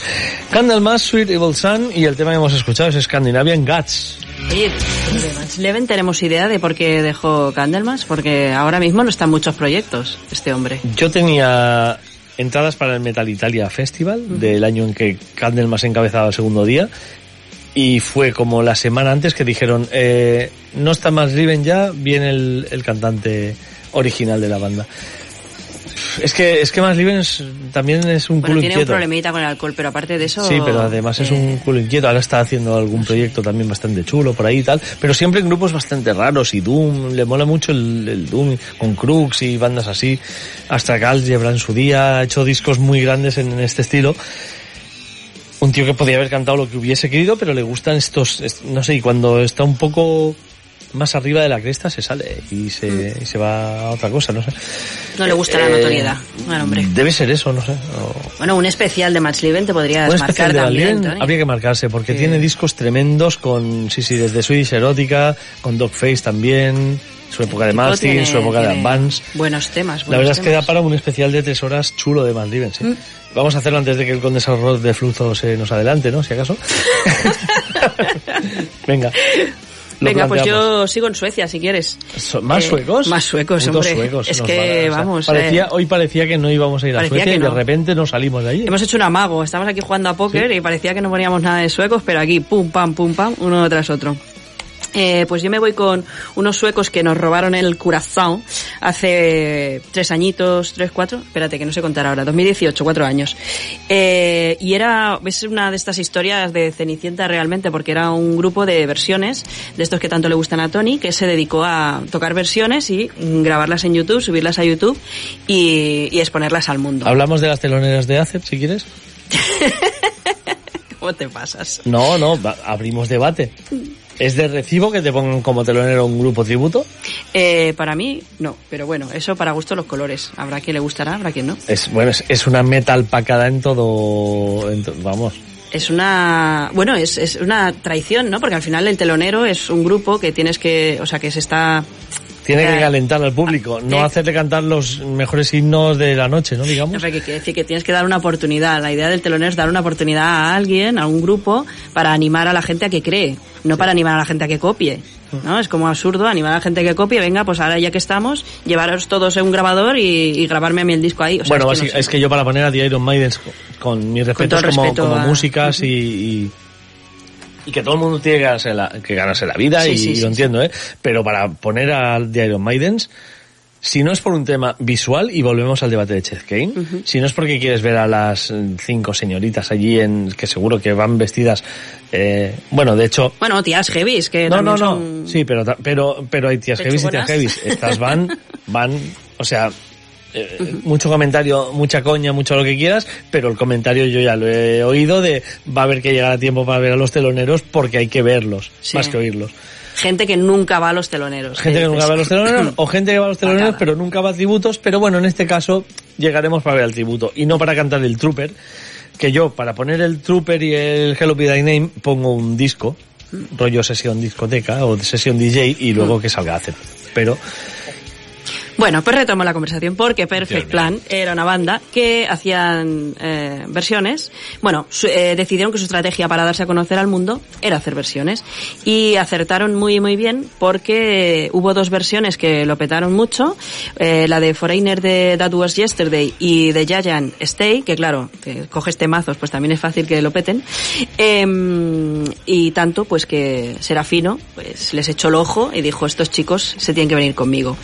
Em, como notas curiosas, eh, comentar que el cantante Ken Healy eh, era futbolista y no empezó a cantar hasta los 30 años o así, más o menos. Y bueno, la verdad es que ahora cuando lo escuchéis, si no lo habéis escuchado antes, pues tiene un timbre de voz muy particular, muy chulo, se parece bastante al de Foreigner y, y la verdad que ha tenido muy buena acogida dentro del mundo del hard rock y el ahor.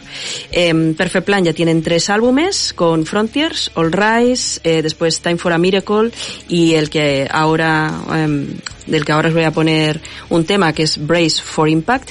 Y luego también Ken Healy, por su parte, pues ha colaborado en proyectos como el de Restless Spirits de Tony Hernando, que lo- lo- es un proyecto que hace Tony Hernando con vocalistas de, de toda índole, entre los cuales en el último disco estuvo eh, Ken Healy y también estuvo Chess Kane. Aquí, eh, como enlazado, como Madre mía, enlazado. qué maravilla. Eh. Bueno, al final es, es todo el universo serafino, ¿no? El universo serafino. Eh, ¿Qué más? Bueno, también sacó un disco en solitario, Ken Healy, eh, de Rumble, si no me equivoco, ahora no lo veo apuntado, pero de Rumble. Y, y también tuvo una acogida casi más buena que, que de Perfect Plan. Pero cuando nosotros ya estábamos con toda la emoción en lo alto con The Rumble, pues ha venido el nuevo disco de Perfect Plan y todavía nos ha gustado más. Así que yo os voy a dejar un tema que se llama Can't Let You Win.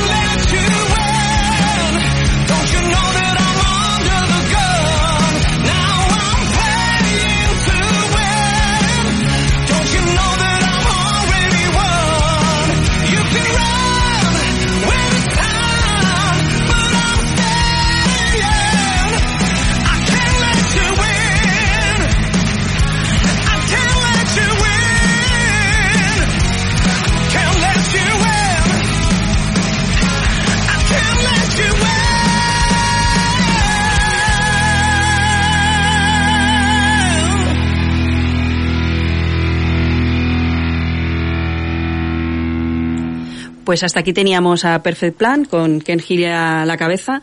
Eh, no quiero quitarles fama al resto de miembros de la banda, que son muy buenos músicos también, pero bueno, como él es el que destaca por tener ese timbre de voz tan particular y hacerlo tan bien y hacerlo mejor en cada disco, pues ese a quien os menciono. Así que os dejo con, con la siguiente tema que Suena a muchas cosas, suena... Un DG Rainbow tiene, sí que es verdad que es más foreigner, pero más... eh, Sí, más pero como es un poquito más duro, sí, quizá. También me ha recordado algún pasaje unos House of Lords, también así de la última época. Bueno, se mueven ahí en, en- en- en lo que nos gusta. Ahí, ya ahí. está. Yo me voy a desplazar hasta Rauma, la región de Satakunta. Bien. Evidentemente conoceréis sí, sí, habréis visitado Por supuesto. No, no, no, no, de, de forma habitual. Está, no, no, paso, no he pasado nunca por ahí. está ubicada en Finlandia, como es evidente. Y es que acaba de aparecer también el segundo trabajo de una banda llamada Folkrim, eh, On Foaming Waves. Ha aparecido hace dos días, el 21 de octubre. Segundo trabajo, el primero llegó en 2021, Tales of Tumult. Y evidentemente voy a recoger el guante que ha lanzado Alfonso antes con Tankard en cuanto a esa temática de, de metal de, de celebración, vamos a llamarlo así, de fiesta, Muy bien, fiesta. etcétera, etcétera, ya que el- los buenos de Folkrim también se lanzan a los brazos de la celebración, el holgorio, la juerga y el alcohol, pero desde una perspectiva evidentemente muy distinta a la que nos plantean los alemanes Tankard, como en su propio nombre ya está la palabra folk, podréis haceros una idea de por dónde va a ir la cuestión, pero que nadie se asuste, que los eh, gaitas, las flautas y los vientos en general están bastante comedidos. Dentro de que están bastante comedidos, pues voy a coger un eh, tema donde suenan bastante porque aquí hemos venido a poner folk y no otra cosa con lo nuevo de Folkrim.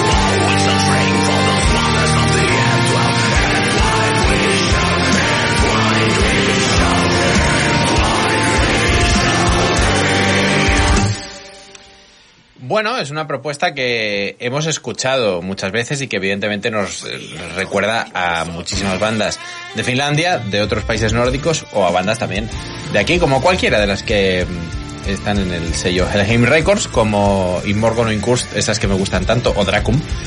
Eh, fiesta, tralla, eh, un tipo de voz también que hemos escuchado muchísimo y todos esos elementos que asociamos tanto al folclore nórdico que siempre, pues bueno, te ponen el corazón calentito, te dan ganas, como decía Inma, de bailar, de saltar, de levantar los puños y que a algunas personas les horroriza profundamente. Me ha gustado la parte en la que eh, bajan el pie del acelerador. Y, y la verdad es que es, es una parte muy chula, además, con el solo que está muy bien, además, demostrando que, que no hace falta hacer el ruido este que están haciendo ahora de fondo, sino que también son buenos músicos y hacen cosas disfrutables para mí. No sé. Este es el típico, típico grupo de las 3, las 4 de la mañana del festival que lo bailas todo ya, ¿eh? Cuando sale. Pero Yo- no sé hasta qué punto, porque cuando viene la parte esa más lenta y tal, el, el borracho de festival se apalanca o se, o se duerme. no te creas, no y, te creas. y en cambio me ha sorprendido gratamente la, la parte esta. Hay, hay pocas partes de esas. ¿eh? Ya, vale. Pues nada, otra cosa. Víctor Suominen, Erno Helander, Irio Sarman y un señor llamado Rostiov, que Ah, me ha me encantado. encanta. Y otro señor a las guitarras llamado Marras. Marras, el de Marras. El de Marras. el de Marras y exactamente. Rostió. Conforman estos Folkrim, como decía, segundo trabajo On Foaming Waves. Fans del folk, que sé que estáis ahí. ya lo podéis escuchar desde hace dos días. Estaba comentando a mis compañeros que, que en virtud de, de tener que ir cubriendo yo aspectos menos tocados aquí, como el, un poco de Doom, un poco de, de metal extremo y demás, eh, al final lo único que no suena aquí es progresivo, me Ah, cago en todo. Suena folk, suena hard, suena thrash, pero no suena prog. Todavía no va a sonar prog, espero, Oh. que, espero que me dé tiempo a poner algo antes Eh. del final, pero es que yo también me quedo en Finlandia, aunque no en Finlandia, sino en Sudamérica. Me A ver, explico. no, cerca no están. Me explico. Eh, eh, el señor Timo Tolki Mm. Bien. Eh, Es- Él es finlandés. finlandés, esto lo sabemos, sí. He estado viviendo en México durante bastante tiempo. ¿Ah, sí? Sí, lleva viviendo en México bastante tiempo y ha montado un tour latinoamericano. Eh, ¿Qué tour? Un tour de rememorar los greatest hits de eh. Dani, no quiero que esos cascos salgan de tu cabeza en los próximos cinco minutos. Evidentemente. La banda que acompaña a Timo Tolki en este tour eh, latinoamericano que ha comenzado en en este mes de octubre, o sea, están ahora en pleno tour, son Alex Landenburg a la batería, al cual ya conocemos de los Rhapsody de Turilli, a los, a- con el cual estuvimos charlando con Judith en su día. Tenemos a Jari Kunulainen, el bajista original de Stratovarius también, que, que le acompaña en esta gira. Tenemos a Mikko Harkin de Sonata Ártica también. Y claro, a todo esto hay que ponerle voz. Y la voz en este caso no es un finlandés, tampoco es un latinoamericano. La voz es un tal Alessandro Conti. Esto es Against the Wind, el pasado día 20, o sea, antes de ayer, 20 de eh, octubre de 2022, Santiago de Chile. Against the Wind, Timo Tolki.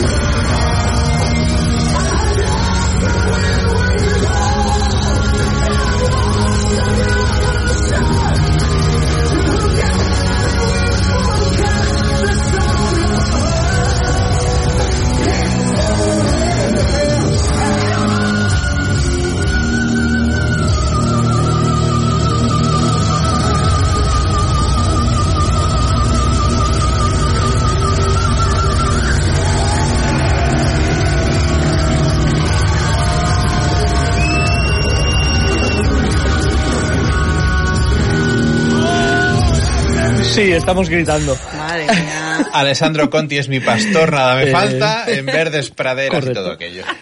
Eh, Vaya gracias, a, gracias al desgraciado que no disfrutó el concierto de Santiago porque lo tiene grabado prácticamente íntegro y con bastante buen sonido Sí. y nos ha permitido disfrutar de, de las grandes interpretaciones de, de. Alessandro Conti, vocalista de Trick or Treat y, y de Twilight Force, entre, entre otros.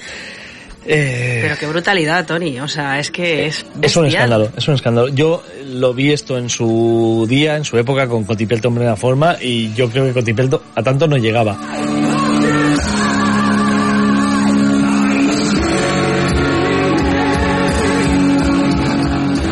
Además, que lo estamos escuchando con un sonido de mierder. O sea, lo que puede ser escuchar con buen sonido. Lo grita todo, lo grita todo, le da Fuerte. igual, está loquísimo este hombre. Eh, Qué brutalidad de, de, de voz, de.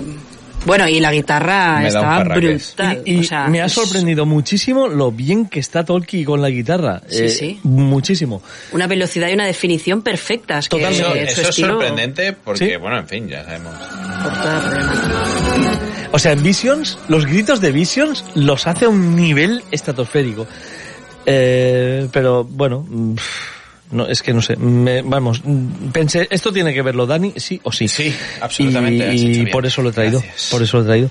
Espero Eh, que este chico no fuera amigo tuyo porque se perdió todo el concierto. Se lo perdió entero. Por suerte está, si, si vais a YouTube podéis encontrar vídeos grabados por este señor que es Rorro de O, que grabó todo el concierto Santiago de Chile y lo tiene en su canal. Este es, es que es- lo hemos escuchado de él y, y con un sonido dentro de que tiene gente alrededor y oyes las palmas y oyes demás, pero, pero tiene un sonido bastante defendible y la verdad es que hasta podíamos sacar un, un directo de, de esto puliéndolo un poco. Eh,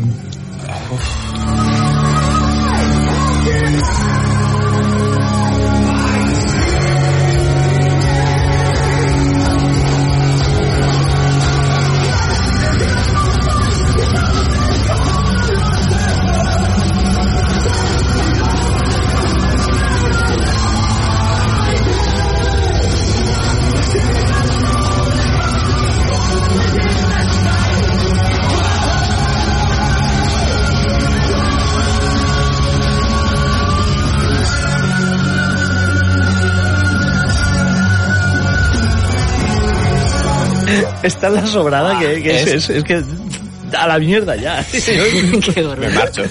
Ya es está. de los mejores vocalistas que he visto en directo. Sí, sí, es increíble. Sí, sí. cual, ¿eh? Todavía recordamos esos 30 segundos de grito final en Down of Victory que casi nos, yo creo que nos cagamos encima directamente aquel día. Hubo yo. desmayos aquel día Sí, en Salas a la Mandra. ¡Qué escándalo! Totalmente. Y ya lo veis aquí defendiendo Visions, eh, Against the Wind, todos los grandes clásicos de, de este trabajo sin, sin, vamos, sin renunciar a un solo grito. Sin inmutarse. sí, sí, totalmente.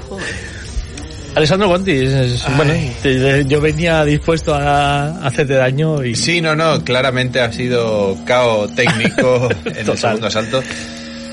Fíjate Ay. que no lo tenía él, no estaba muy convencido cuando hemos puesto, bueno, has puesto el de Striper que, que viniera algo mejor. O sea, Sí, no, pero Tenía claramente, dudas. claramente. Bueno, es que también hay una filia con Alessandro Conti. que, claro, bueno, que- es, eh, vas a seguro. Ahí, Exacto. no arriesgas nunca. Pero seguro que Inma lo que trae ahora también. bueno, eh, yo te voy a golpear de otra manera, porque ahora voy a traer un grupo para la jefa. Yo voy a seguro, pero con la jefa. Perfecto. Vaya, cómo se nota. Vais a flipar. Em, porque como sé que a Senia le gusta mucho The Nightfly Orquesta, pues le he traído un grupo que se parece. Que es, eh, me has incitado ahí con tu bailoteo folky, pues yo traigo Correcto. otro tipo de bailoteo. Eh, también suecos, pero en este caso son unos suecos que, eh, pues han hecho un cambio de, como dice la gente muy culta, 360 grados, como se suele decir, 180. Empezaron con un rollete así, eh, garajero, un rock garajero, como los rollo los helicópteros, eh, pero eh, luego han ido mutando, han tenido varias mutaciones, tanto de estilo como de vocalistas. Tanto es así que en uno de sus discos canta nuestra querida Linnea Wikström, que sé que es muy apreciada en este programa por su colaboración con otro grupo sueco, cuyo líder es bastante giripichis, pero que es un grupo muy bueno. pues sí, Linnea Wikström, la hija de Thomas Wikström, eh, pero en la actualidad, bueno, sacaron un. Eh, con Frontiers hicieron una primera toma de contacto con ella como vocalista, no acabó de tener la acogida que esperaban eh, y hicieron otras un par de vueltas de tuerca más. Una conectada con Hit, eh, que sabemos que Hit eh, es otro de los eh, de los ¿cómo se dice esto? Ah, de las varitas de oro que de lo que tocan, ¿no? Lo hacen oro. Los frontrunners. Si es que se pueden a producir discos, los de hit, y entonces, pues disco que tocan se vuelve eh, pasta por un tubo. Y luego en su disco anterior em, hicieron. Mientras Alessandro va gritando por ahí debajo. Tú, Es tú. No me puedo concentrar con esto, Tony. tú explica lo tuyo, que el hombre va haciendo su, su historia por detrás. No me puedo concentrar. Ay. Eh, vale, el quinto trabajo era Sonic Forces, que era el anterior. Eh, y les sirvió pues para hacer de teloneros de J of Tate. O sea, para que veáis que estos van haciendo un poco bamboleo, bambolea. Em, en la actualidad pues han cambiado de compañía de todo, ahora están con Mighty Music y han intentado seguir un poco la estela del Sonic Forces, pero no son tan mm, técnicamente le llamamos retro wa- wave, ¿no? Pero vamos, no son tan discoteque eh, como en el disco anterior. Entonces, pues he creído que os podía gustar este tema del nuevo disco que se llama Neon Sunrise, que salió a la venta el 7 de octubre. Y bueno, ellos son Captain Blackbird y el tema Break Into Forever.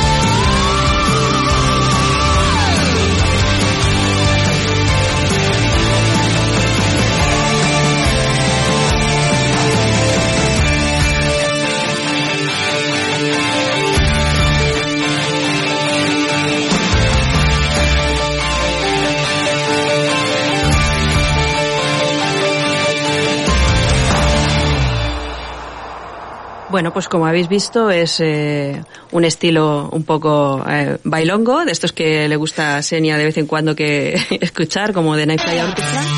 Eh, tienen una cosa muy divertida que son las presentaciones de sus discos. Yo parece que hoy estoy haciendo publicidad de las redes sociales, pero es que es verdad. Hacen siempre una fiesta, una, no sé cómo se dice, la, la fiesta de lanzamiento, donde pues puedes ver a los miembros, van pinchando los temas y te los van explicando y tú puedes ir preguntando. Pues están muy locos, van disfrazados, se pueden hacer el canelo, bueno, muy, todo muy, muy divertido y muy cachondo. Eh, ¿Qué más os podía contar de este? Es que No nos cuenten mucho más porque es que estamos Ay, nos cerrando. tenemos que ir ya. Ah, estamos nos tenemos cerrando el garito. Nos tenemos que ir. Eh, Es la última ya, Inma, venga. Os queríamos, os queremos decir Dame vaso de que plástico. la próxima semana, si Xenia no me corrige, y como no está no me va a corregir, creo que tenemos entrevista con Nexesus, con una banda de thrash catalana que nos vienen a presentar su segundo disco. Ya nos presentaron el primero, pero el segundo promete emociones Ah, más porque sale este aún. mes, ¿verdad? El de Sale a Excesus. finales de... Sí, sale el, el 21, viernes, el no. 28. Sale el 28 y el 30 están aquí en el octavo día eh, presentándolo. Eh, esta semana conciertos, pues la verdad es que no hay tantos. Tenemos a Broken Horizon el sábado que estará Inma por ahí. También ese día Wolves in the Throne Room junto a Incantation. Eh, yo estaré el martes viendo Arena en la sala Ramatan 2. No os perdáis a Arena si os gusta la música. En general. Ya está. En general. Si podéis estar allí, empiezan a las ocho y media, es dos horas con ellas, de ocho, de ocho y media a, a diez y media, y son dos horas que vais a estar volando, porque son muy muy buenos y es una experiencia que recomiendo muchísimo a todo el mundo. Eh, seas o no del progresivo, porque es una banda muy amplia. Además vas a ver a Damien Wilson cantando, que ha estado en Aireon, que ha estado en Tresol, que ha estado en mil sitios y que es un, es un placer verlo. ¿Qué más? Eh, os quiero decir porque eh, ya mismo es el festival Inédit y tenemos algún docu guapo. La semana que viene ahondaremos en ello porque tenemos el documental sobre Dio, Dreamers Never Die, y tenemos el documental sobre Rock Sound también. Eh, ahondaremos en ello la semana que viene porque esto será a la siguiente, en 15 días. Cierto. Ahora nos vamos con una efeméride, es que la actualidad nos, nos, vamos, nos manda y, y hacemos poco caso de efemérides, pero es que la de ayer fue gorda. Ayer 22 de octubre se cumplían 31 años, dicen, no es una fecha señalada. Bueno, 31 años es la excusa. Desde la pandemia se admiten cumpleaños que no sean redondos, no Correcto. te preocupes.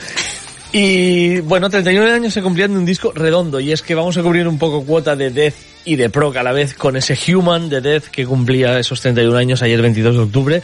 Un trabajo que grababa Chuck Schuldiner junto a Paul Masvidal, Steve DiGiorgio y que en paz descanse también Sean Reynard a la batería, una formación de auténtico lujo que grababa este discazo Human, que ayer cumplió eh, 31 años. Con él nos despedimos con Lack of Comprehension, con el temazo de ese disco. Dani, Inma, buenas noches y gracias por haber compartido tres horas más de metal. Sin duda, hasta la semana que viene. Hasta la semana que Con viene, Death, gracias. Lack of Comprehension os dejamos. Buena semana y hasta el domingo que viene.